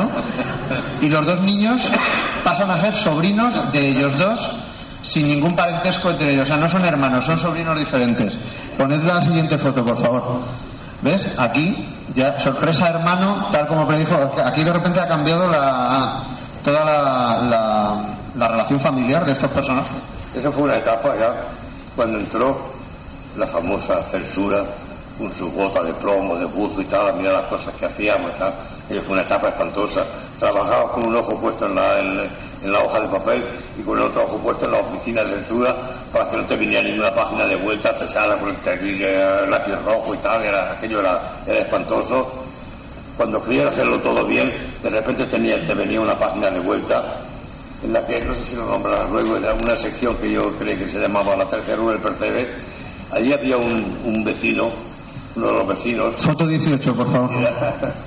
y era una especie de, de, de autorcito Frankenstein, que daba su monstruito y tal. La gracia tenía exactamente, la gracia estaba, este doctor ahí pues creaba sus monstruos, sus cosas y tal. Durante mucho tiempo estuvo saliendo, no pasaba nada, hasta que una semana vino tachado con ese terrible lápiz rojo y tal. Dije, ¿Qué habrá pasado? Se habrán equivocado. Llamada a, a- censura.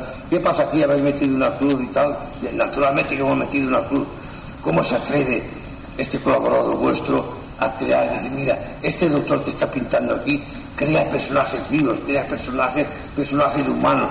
Los personajes humanos tan solo puede crear el sumo hacedor. Por lo tanto, lo que está haciendo este hombre va en contra de, la- de las doctrinas de la iglesia, de esto y de otro. Pues le va a dar muchas, muchas gracias, ¿no? Va a sus órdenes.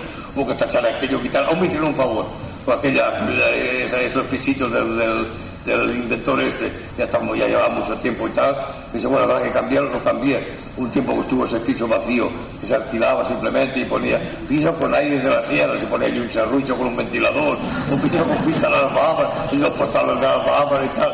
Estuvo un tiempo metiendo el piso así, luego ya metí allí un sastre, con las mil y una cosa que te permitía hacer el sastre, que, el sastre que hacía uno de los pantalones con, tres perneras. Decía, este perdón, es verdad, me habré equivocado con tal y tal, bueno, te permitió hacer una serie de cosas más que fuera, fuera más de bien. Esa época de la censura, una época tremenda, espantosa, espantosa. Aparte de esto que te explico de la, de la 13 Rubén, se metieron una vez con otra, otra sección que yo hacía que se llamaba La historia vista por Hollywood. Foto 17, por favor. Y allí metía, harto de meter el personaje, igual que lo hace el, el estudio de Hollywood, que hace este personaje, el otro, el otro. Mi madre Dios, el personaje que sale allí no se parece a aquel tipo, ni vamos, ni, ni su madre lo, lo- lo reconocería. Harto de meter personajes y una semana puse la, no era un personaje, era una, una ballena, la, la Moby Dick. Aquí la tenemos. Aquí la- y una de las viñetas salía la Moby Dick en una cueva que tenía una serie de, de pulpitos a su alrededor. Su marido el vallenato la miraba con mala cara, mitad por fuera de la cueva. Iba un calamar gigante silbando y decía, no tengo nada que ver con esto y tal. Una aquella cosa que no tenía mayor, mayor importancia. Ellos vino tachado por censura, y dice, oye, ¿qué pasa? Otra vez la pregunta, ¿algún error, alguna cosa y tal? No, ningún error. ¿Cómo se atreve también este, este colaborador libidinoso a tratar el tema del, del, del adulterio en una revista infantil? Que, que son ballenas, es igual, es igual el adulterio, por lo tanto, fuera, fuera. Y que nunca más repite a este hombre. Y hubo que quitarlo y se acabó. Pero me hace gracia porque eh, hubo que quitar el chiste ese que insinuaba que había adulterio porque eh, Moby Dick había tenido eh, pulpitos, pero sin embargo colaste este chiste en el que los padres de Moby que son negros, eh, tienen una ballena blanca y aquí está el padre, sin embargo, igual de mosqueado y esto sin embargo se conoce, que la censura era muy caprichosa, ¿no? Esas, cosas- que venían y tal, y hacer, yo qué sé, en, una, en dieta venía, no sé, en la tercera donde salía un perrito que estaba comiendo un hueso largo y tal, y venía también tachado por la censura, esto no es un hueso, pero, ¿pero qué? Esto es un miembro viril y tal, y tal, bueno, cosas así, era continuo, continuo, continuo. Pensaban que un perro se estaba comiendo un miembro viril en 13 del tercer. Sí, sí, sí, tenía un vecino simplemente que tiene los huesos en la mano, y no, que hay uno en los huesos, era un miembro viril y tal, con la pierna un tiro. Igual es que, claro, como eran, como eran obispos principalmente no habrían visto muchos. Bueno, eh, hay, hay casos muy divertidos dentro de la censura. Hay uno que me, llama también la atención, que he descubierto hace poco. Si ponéis la foto 18B, por favor. Em, aquí está. Esta historieta de la familia Trapisonda, vemos que, bueno, es eh, una de tus primeras historietas, está dibujada por ti y corresponde a una republicación, porque Bruguera eh, publicaba muchas veces el mismo contenido. Entonces, esta historieta fue, eh, corresponde a una republicación en la tercera etapa del DDT. La tercera etapa del DDT era infantil. Y me llamó la atención ver que, sin embargo, la criada que aparece en la primera viñeta y en esta segunda está dibujada por Conti. Y yo me pregunté, ¿y esto por qué? Qué raro que haya un personaje dibujado por Conti, cuando la historieta es de Ibáñez claramente, hasta que me dijo un, un, un amigo que la historieta original se había publicado en el DDT segunda época que era para mayores, era para adultos. Entonces la criada que tú habías dibujado era muy concupiscente y muy libidinosa. Y cuando se republicó la historieta se eliminó a esa señora concupiscente y se dibujó a esa especie de ogro eh, dibujado por... Se dedicaba a liquidar, para matarlo, claro, a liquidar señoras imponentes y a poner monstruitos de esta clase y tal. A mí me tocó hacerlo una vez. Había un dibujante que se llamaba eh, Cifre, que hacía unas señoras imponentes y tal. Había una portada, una señora que, bueno, aquello era, no, no vamos a te la va a ganar, ¿no? Te la que conocerla y tal. Y no, esta portada que hay que corregirla, ¿por qué? Porque no pasa por censura. ¿eh? Ya me tiré a mí con, con colores, con tinta y tal rebajando delantera, rebajando trasero y tal. Aquello era un crimen, era un crimen. Hubo que hacerlo, no lo se publicaba, sencillamente. Pero y eso que Cifré, Cifré colocaba muchísimas mujeres imponentes en portadas. O sea, que esta ya debía ser especialmente imponente, ¿no? Porque... Vale, imagínate, imagínate, una señora que para doblar una esquina había que ponerle intermitente porque había que avisarlo antes. Bueno, eh, acabada la censura, tampoco terminan de todos los problemas de la censura. Eh, por ejemplo, hay una anécdota que me hace gracia, que me contaste tú, yo la conozco porque me contaste tú. Si ponéis, por favor, la foto número 19, esto ya está publicado, es un álbum de los 90. Pero. Ah, bueno, sí, sí, es que la censura no era solo la censura oficial.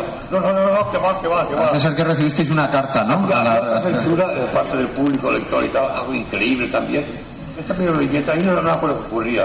El Mortadelo iba en un barco, allí se quemaban la- las velas y tal, y tenían que hacerle una- no sé, unos trajes nuevos. Y creo que allí estaba Rompetecho como sastre y tal, hacía trajecitos nuevos. ¿no? Rompetechos tuvo que hacer unas nuevas velas con la ropa de la gente del barco. Mientras, tanto hacía esos trajecitos, pues Mortadelo salía, pues ya ves, con el culillo al aire, y imagínate los venezuelanos, Mortadelo con el culillo al aire y tal. Uy, ¿qué, es esto? Tiene una carta de una señora enfadadísima, diciendo que, que, era aquello, que aquella historieta ya no, ya no era lo que ella conocía, que ella a sus hijos ya no podía darle ese material pornográfico, que ese mortadelo, su trasero al aire, ella no podía que lo viera a su hijo y tal, que era espantoso, que ya no lo compraría nunca más y tal. Pero así venían también de parte del público, la que tú quieras. Pues te digo, la censura era para reírse, pero parte del público era para coñarte. Luego tenemos también un ejemplo, ya no de censura, sino de autocensura, porque a ti no te pareció oportuno eh, este álbum tal como lo tenías concebido. ¿Podéis poner, por favor, la 19B? Esta aventura, eh, llamada El Señor de los Ladrillos, inicialmente tenía un, tenía un personaje, tenía un protagonista diferente al que vemos aquí. Como se puede observar, esta es una foto de la página original, hay un recorte que tapa la cara original del personaje y además se transparenta un poco y se puede... se puede... páginas con gente más o menos conocida en aquel tiempo, de, de las cosas políticas y. Nunca me he metido a hacer crítica ni política ni social ni nada de eso, pero bueno, donde salía un personaje en aquel tiempo que, la- salía en todos los periódicos y tal, pues quedaba bien de cara al público y esto. Hice un, un álbum donde salía ese personaje, salía durante sus, sus 44 páginas y estaba en la página 43, donde vienen todos los periódicos, la noticia, fulanito de tal, cayó, ha muerto, ¡Oh, está muerto, madre de Dios. Aquello me, sabía, francamente, me sabía sacar 44 páginas aquel tipo que le iban ocurriendo cosas y tal, y pues me sabía muy mal. Luego coger un papel aparte, empecé a recortar trocitos, metí una cara nueva, pegándola encima y tal. Aquel señor, muchos de vosotros que sois mayorcitos lo recordaréis, tenía un caballo que se llamaba Imperioso, se llamaba Jesús. Sí, la que de, de entonces, siempre que hago salir algún personaje, algún político o lo que fuere, yo pongo una llamada abajo, una nota, que ponga nota del autor. El autor no se hace responsable y al momento de publicarse esta historieta y tal, este señor ya se ha ido para la gloria y tal, ya desaparecido y tal, porque ya, ya, ya procura hacer, no, no, no sacar a ninguno para que no pasen estas cosas. De todas formas, aunque tapaste la cara de todos ellos, todavía permanece una especie de aura del personaje Bueno, todo, todo, que todo lo que hacía, todo lo que difícil, difícil de ocultar. Cuando construía un edificio en un lugar que no era permitido, decía, ¿cómo lo has construido ahí? Bueno, es un arenado. Bueno, sí, sí, pero no plaza todo, ¿no? Y cosas así. Y el último ejemplo que tengo ya de censura en democracia es el, la foto número 20, si podéis poner, que, bueno, eh, es uno de... de- no, ¿No podemos verlo? Vaya. Bueno, traía una imagen de, de uno de tus álbumes más conocidos. Aquí está. que parece ser que en el telediario de la primera cadena no le dieron la importancia que en los telediarios de otras cadenas, ¿no? A la salida del álbum número 200 de Mortadelo. Bueno, em, a lo largo de la década de los 60 creas algunos de tus personajes más emblemáticos. Trece del Percebe, El Botón Sacarino, Rompetechos, Pepe Gotera de Tilio. El botón sacarino comienza como una historieta de solo dos personajes, eh, Sacarino y el Dire. Empieza como una. eh, ocupa dos tercios de, de las páginas, en las páginas de DT, pero tres años después añades un personaje nuevo. Eh, con lo cual el antiguo Dire pasa a ser Presi y se incorpora un nuevo Dire. Tenemos que decir que en aquel momento el, el director de Bruguera era el señor eh, Rafael Rafael González, efectivamente. ¿Podemos poner por favor una, la foto número 22? La imagen número 22 para conocer a Rafael González. Aquí está, Rafael González. Y la foto número 23 también es otra imagen un poco mejor bueno, de la cara de Rafael González.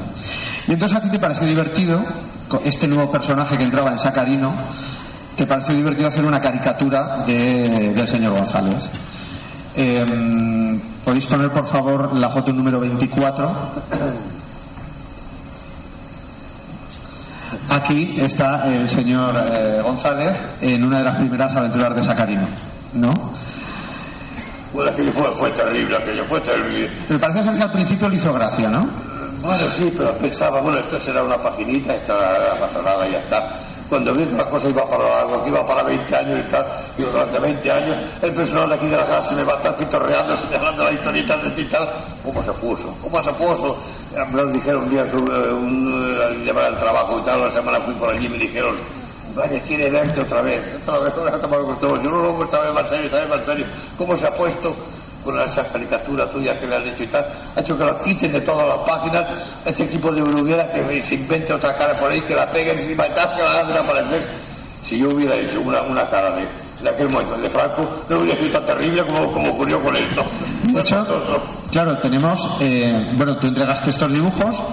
Hay alguna historieta, de, mm, creo que son muy pocas, son dos o tres que se publican con la caricatura de González, pero de repente lo que aparece publicado a partir de un número es, eh, ¿podéis poner la, foto número 26, por favor? Es de repente esta cara que no es tuya, no tiene nada que ver contigo, tú un día abres la revista y te encuentras que alguien ha dibujado esto. Allá había un equipo que hacía cosas y tal, eh, al margen de los dibujantes y esto, que ellos ponían cosas también. Eh, no se llevaba demasiado cuidado en, la, en el orden cronológico de las páginas y tal. Recuerdo cuando hice aquella serie de la, de la tercera luna del Percebe, en aquella serie había unos detalles que señalaban la época en que estaba hecha cada página y tal. Allí había, a partir de la primera página, un arbolito fuera en la acera que empezaba a crecer, una pareja de novios iba a pedir, iba a preguntarle a la portera de la casa si había algún piso libre y tal, y de acuerdo con lo que yo iba haciendo, ese arbolito iba creciendo, la pareja de novios se iba haciendo mayor y tal. yo- cuando se empezó a publicar aquello, la primera, la primera página, el arbolito era, era pequeño. La siguiente era una secuoya que salía por encima de la casa. La tercera, un rapido que llevaba a la mitad de la casa. La pareja de novios en la segunda página eran una mujer que ya casi iban prácticamente a despedirse de este mundo. Y la tercera, pues la, pues la siguiente. Cuando yo decía al dire, este señor que por aquí, oiga, pero está correcta. Valle, usted no se preocupe, está lo suyo, está, usted produzca, produzca, está correcto, todo se vende, todo se vende. Pues vale, pues muy bien. Pero creo que en, en las nuevas ediciones de 13 del Percebe sí que se ha cuidado poner las, el, el- el orden correcto, las planchas, para que, por ejemplo, esos gags que tenían continuidad tengan lógica, ¿no? Los, las, eh, el, el árbol creciendo, la, pareja de novios envejeciendo y tal. Bueno, que la tercera se ha aprovechado, ha sido contraportada.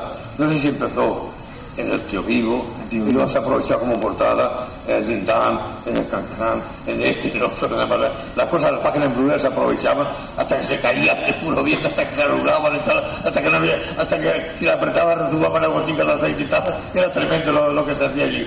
Pues la tercera del PC me acuerdo cuando al final vino ya la, la ruptura definitiva con, con Bruguera. Esa, esa página traía un trabajo espantoso, así como la página mal y 40 y todos los telecasts en cada página. ¿verdad? En esta, aquí había, eh, cada piso era un y hay un montón de pisos, claro. O sea que pensar que la página esta era tremenda, son 14 pisos con un gag en cada cosa, más, más el señor que salía de la alcantarilla, más del tendero, más El esto, ascensor, más, más- yo, yo qué sé. El gato y el Sin embargo, cuando yo partí pera con, con la antigua editorial, dije, le voy a hacer la puñeta. Y en la nueva editorial creé una nueva casa que se llamaba 7 Revolving Street, que era muy parecida a 13 Rubén, pero era el doble. Le voy a hacer la puñeta, pero el doble todavía. Ya, ya hay más cosas que había la 13 Vas a hacer la puñeta, pero también te lo hiciste tú, porque claro, tenías el doble de chistes que meter, era todavía más complicado de sacar. ¿Era? Era todavía más complicado de sacar porque tenía el doble de chistes. Sí, sí, sí. Pero es que yo me decía, cuando te ponía a trabajar, dije, me va a dar un trabajo tremendo. Pero solo por hacerle la puñeta. A otra editorial te vale la pena hacerlo. Bueno, en la foto número 28 podemos ver, ya cuando te diste cuenta de que el señor González ya no quería ver su caricatura, tenemos al director, al, al dire con ya su, su imagen definitiva que todos conocemos. Em, a lo largo de los 60, Mortadelo ya se va configurando como eh, el personaje estrella de Bruguera Y esto queda del todo patente en el 69, cuando aparece el primer, la primera aventura larga de Mortadelo y Filemón, que es el sulfato atómico. Eh, tiene un dibujo mucho más detallado. Aquí tenemos la primera página del sulfato atómico. Eh, viñetas más grandes. eh, un álbum más europeo. A los que somos fans de la historieta, este álbum nos parece maravilloso, nos encanta. Pero dices que se recibió alguna carta en redacción porque para hacer las páginas más detalladas se había quitado eh, algún número de se había quitado alguna alguna franja de alguna tira de, o sea, se había reducido el número de tiras de viñetas. Y dices que hubo gente que escribió a la editorial diciendo nos roban material, ¿no? Estafan, sí, sí, nos estafan, nos cobran más, sí, sí, sí. Esto se hizo por la manía que tenía el DIE también de la, eh, mirando la prensa extranjera, y todas las que se publicaban en Francia, en Bélgica y tal, y dije, vamos a hacer una cosa parecida a esto, hasta me dio ejemplar y tal, y dije, vaya, fíjese en esto, hombre, pero que, que fíjese, hombre, pero lo vamos a invitar. Oiga, si no lo hace todo ahora otro, usted fíjese en esto y una cosa y quiere que es bonita y tal. Entonces hizo esto, una cosa más terminada, hacer más terminada, que le llevaba más trabajo, claro. No, es lo mismo hacer un tío con una chaqueta con dos rayitas y tal, hacer dos rayitas, y las, y las arrugas y todas esas cosas y tal, ¿no? Quedaba muy bonito. Pero el trabajo, el resultado final era menos trabajo. Cuando terminó esa, esa, serie, el tío me dijo, "Sí, vaya, que eso queda muy bien, bien, sabe usted queda bien. Pero mire usted, el, público pasa de, de arruguitas, de rayitas y tal, usted haga lo que ha hecho siempre, y trabaje, trabaje, haga página, página, página, vuelva usted a sus 20 páginas semanales. Ya se acabó eso. Eh, llegaste a hacer de todas formas eh, tres o cuatro aventuras muy, muy en el estilo europeo, muy en el estilo franco-belga. Eh, y a principios de los 70, eh, debido a una serie de roces con la, con la editorial, decides hacer un álbum para probar suerte en otras editoriales. Eh, pero al cabo de un tiempo llegas a un acuerdo con la editorial y esas páginas que has hecho con ese álbum, con nuevos personajes, decides reutilizarlas para una historieta de Mortadelo y Filemón. Eh, si podéis poner eh, la, foto número 30, por favor. Esa historieta es una historieta con la que yo estoy especialmente unido sentimentalmente, que es Valoria al Toro. Valoria al Toro es el primer álbum de tapa dura que yo tuve de Mortadelo y Filemón y me lo regaló mi madre en 1980 por comer bien una semana. Yo estoy unido de una manera muy especial este álbum. Entonces, descubrir toda la historia que hay detrás de este álbum, a mí me fascina. Si te fijas, en, este álbum, si te fijas, no corresponde al personaje de Filemón y tal, no corresponde que lo ha cambiado luego, siempre eh, con su cabeza, con un lacito debajo y tal. Este tenía una chaqueta porque encima iba otra cabeza, la que yo había destinado para otra editorial y tal. Esta serie se tenía que haber llamado eh, Ocarino y Lentejo, tenía que haber llamado y al final cuando llegué ya a un nuevo acuerdo con la editorial, pasando por encima del, antiguo DIE, entonces me miraba de mala manera y creo que me metió alguna, alguna bomba en el bolsillo y todo y tal. Bueno, pues eh, dijo, oye, yo estas páginas que tengo hechas, yo no las desperdicio, yo no las tiro a papelera y tal. Pues volví a hacer como aquello que hemos visto anteriormente, la bomba que él deja hacer. Recortaste y pegaste encima. Pues papel aparte, cabecita aparte, recortar, pegar, enganchar y aprovecharlo todo aquello, claro. Yo tengo que decirte que estoy muy emocionado de que reutilizarás estas páginas porque para mí dan lugar a una de las mejores historietas de Mortadelo y Filemón.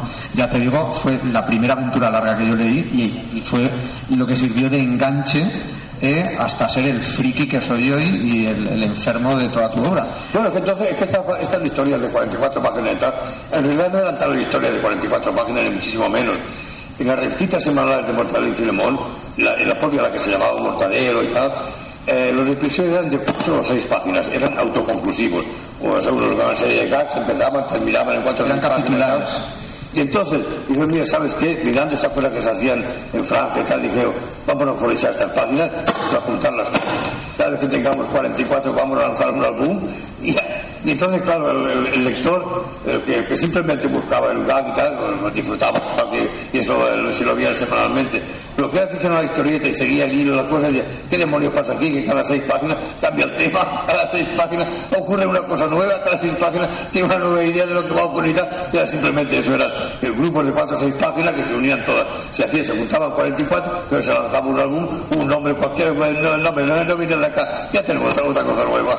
Pero al final sí que llegaste a hacer eh, un nexo común, o sea, hiciste aventuras que sí que tenían un nexo de principio a fin, aunque también eran capitulares.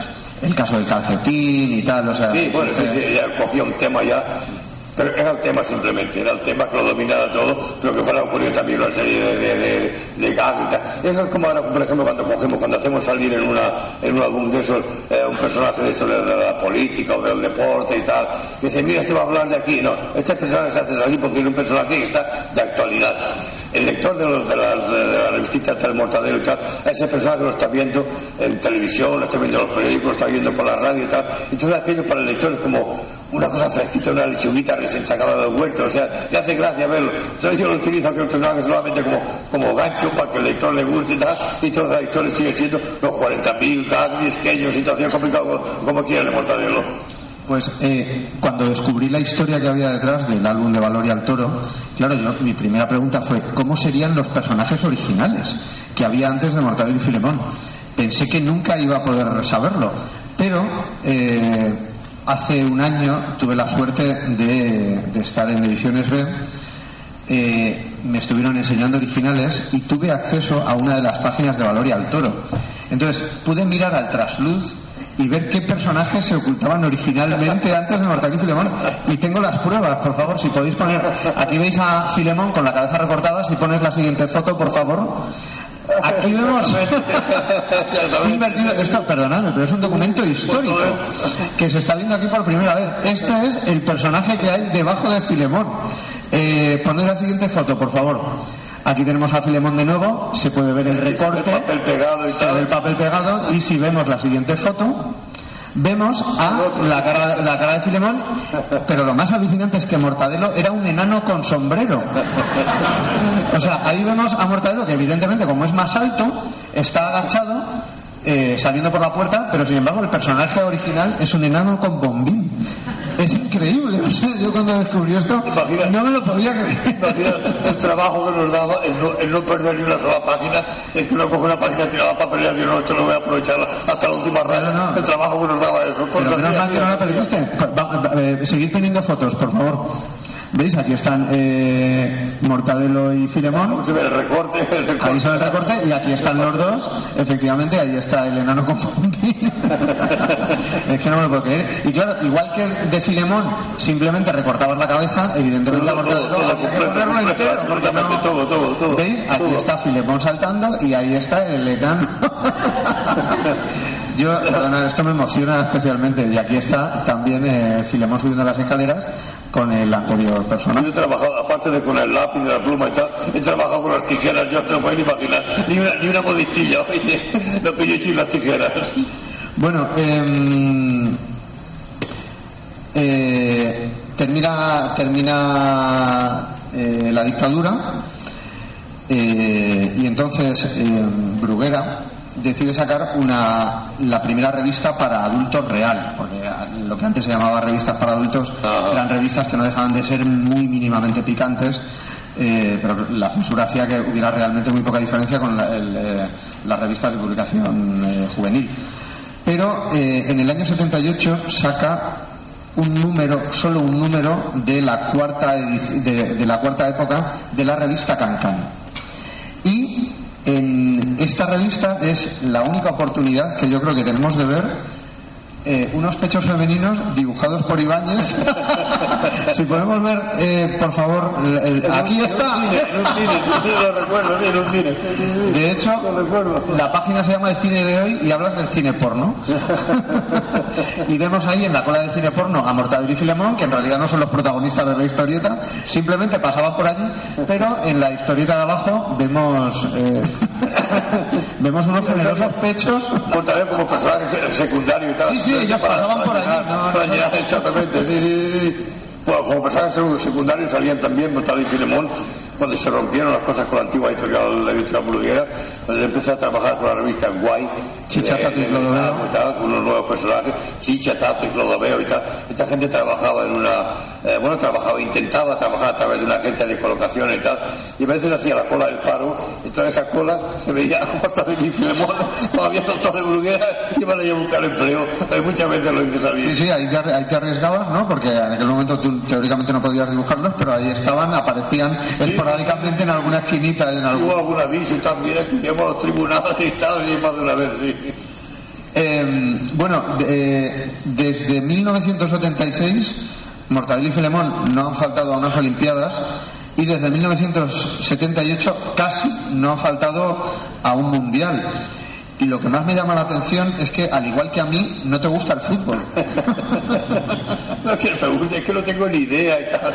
Y hice el primero donde dijeron, hay que hacer uno extraordinario sobre los mundiales de fútbol y tal. Ah, bueno, pues uno más, uno más y tal. Nunca lo hubiera hecho, nunca lo hubiera hecho. Cuando empecé a dibujar Mortal y Filemón, digo, ay, pues si estos llevan, estos llevan, estos llevan unas, esos futbolistas, unas botas, ya de taquitos y cosas. A la viñeta que hacía 10 yo estaba harto ya de los tacos esos de las botas. A última- a la viñeta 10 soltaba yo más tacos de los había en la viñeta con la bota de Mortal y Filemón. La viñeta 10 estaba soltando peste y tal. Pero había que hacerlo, había que hacerlo. Y continúe. Entonces, ¿qué ocurre? Ahora hago los, los extraordinarios dedicados a los mundiales de fútbol y tal. Sale como título mundial, tal, pero de hecho lo que ocurre luego, no que tenga que ver gran cosa con el mundial, ¿eh? es simplemente el nombre, sale alguna escena del fútbol, gallos corriendo por ahí, pero el tema, el tema es otra cosa. El tema ocurre desde, desde el campo, desde los vestuarios para adentro. Cosa que el público como yo agradece, porque yo estoy como tú, completamente pez en el... Y otra cosa son las, cuando hacemos lo de, la- lo de las Olimpiadas. Las Olimpiadas son, son, no sé, ya, ya mil, mil y una cosas ya, que si el salto, que si la carrera, que si la, la natación, que son mil cosas distintas, ¿no? Que te distraen otra cosa. Pero fútbol, solo fútbol, fútbol, fútbol, fútbol, fútbol, a la porra, fútbol, ¿eh? caray. Pues sin embargo te ha cundido, porque sí que, de hecho el último álbum que ha salido es el, del- el Mundial 2018 en Moscú, si no me equivoco. En... Pues ya no sé ni dónde, ni dónde ocurre. Me parece que es la última novedad. Creo que hoy están aquí, eh, creo que Sí, sí, Bueno, sí, sí. no me hagas caso de lo que he dicho del fútbol y tal. Y me gusta, me gusta, ha quedado muy bonito. Comprarlo, comprarlo, comprarlo, comprarlo.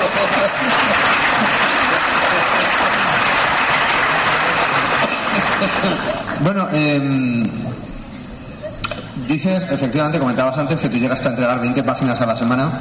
Julia Galán, entonces secretaria de, de dirección, llega a contabilizar 22 páginas a la semana entregadas por ti.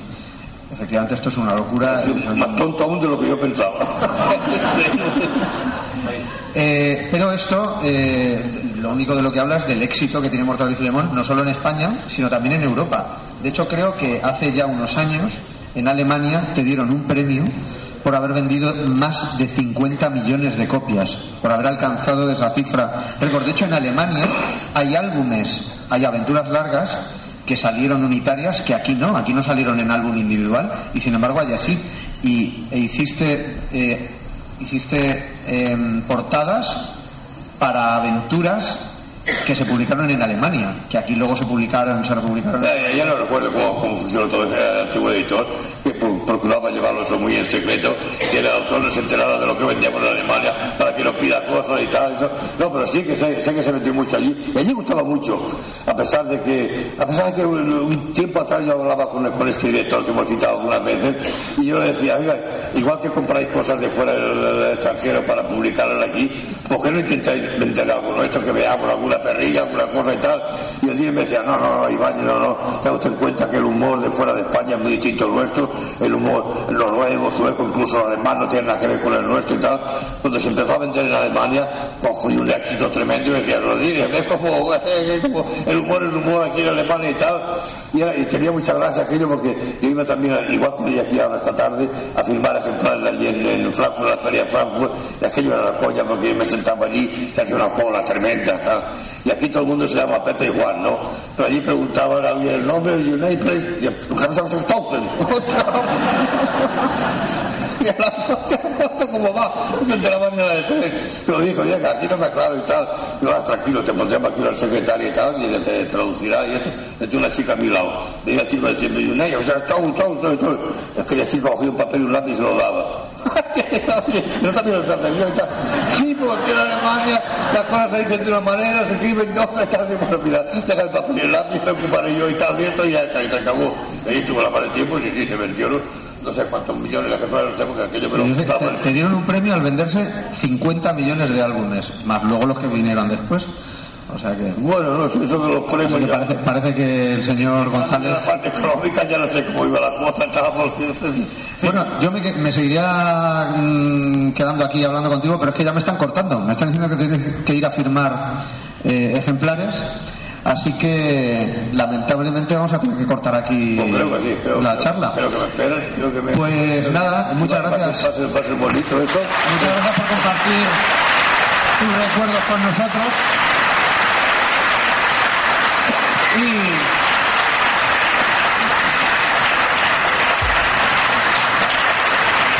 si os ha gustado, pedid que el año que viene haya una segunda parte de la entrevista.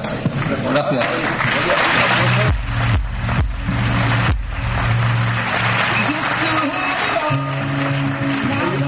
Unas cosas del 60 aniversario. Recordad cuando firme las cosas del 100 aniversario, os quiero ver aquí también. Venga.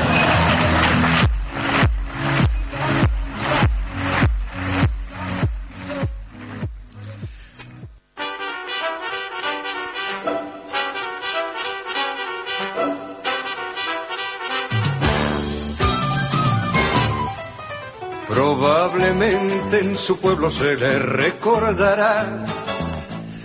Genial, genio figura, genio figura don Francisco, don Francisco Ibáñez. Y bueno, la entrevista que Carlos Arece, bueno, ya os he dicho que, que es un auténtico lujo y es un auténtico coleccionista de, de buscar cosas eh, de, de- autores como, bueno, sobre todo de Ibáñez, ¿no?